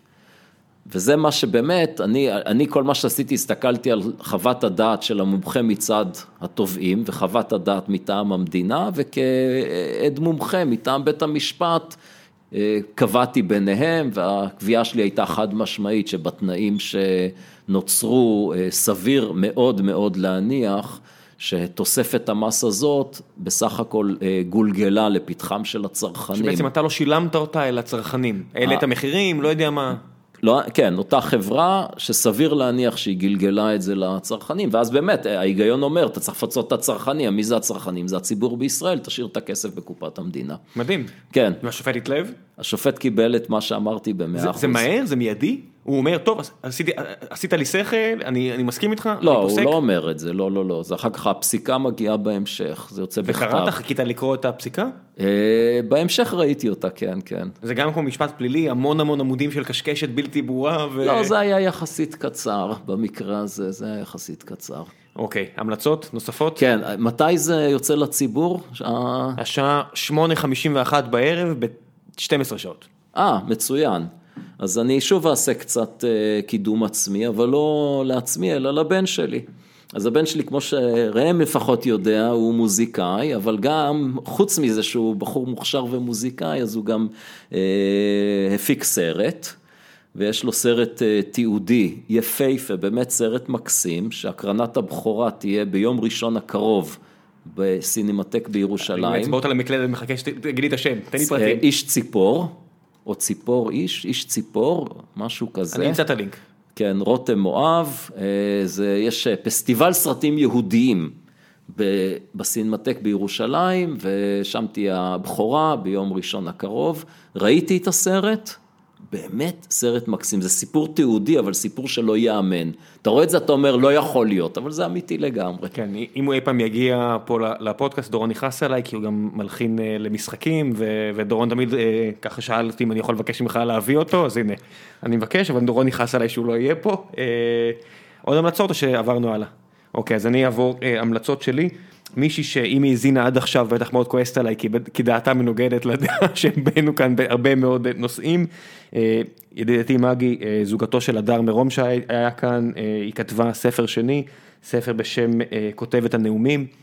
התחלתי לקרוא, מאוד נהנה בינתיים, מתקרב על הסוף, מאוד ממליץ לכם, הוא עכשיו ניתן לקנייה ברוב חנויות הספרים, תכף רעיון גדול יתפרסם איתה, מישהי שאני אישית מאוד מאוד אוהב, אז אני, אין לי בעיה ככה לקדם את הספר שלה, אני אישית גם מאוד ממליץ על הספר עצמו, בלי שום קשר להיכרות שלי איתה, אני אשים לינק, לפחות לפרק הראשון, ככה שתוכלו לקרוא בעצמכם ולהיווכח, והמלצה נוספת, הרבה אנשים עכשיו רואים את סדר, סדרת הדוקומנטרי של קן ברנס, הוא עשה על וייטנאם, זה קולנוע דוקומנטרי מאוד מאוד כבד, סמיך, מלא בפרטים, אז אני דווקא אמליץ לכם על, על סדרת סרטים דוקומנטריים אחרת שהוא עשה, על תקופת ה Prohibition, תקופת האיסור בעצם על האלכוהול, התיקון לחוקה בארצות הברית, מרתק לראות בעצם מה הוביל לכך והקשר של זה למעמד האישה ו...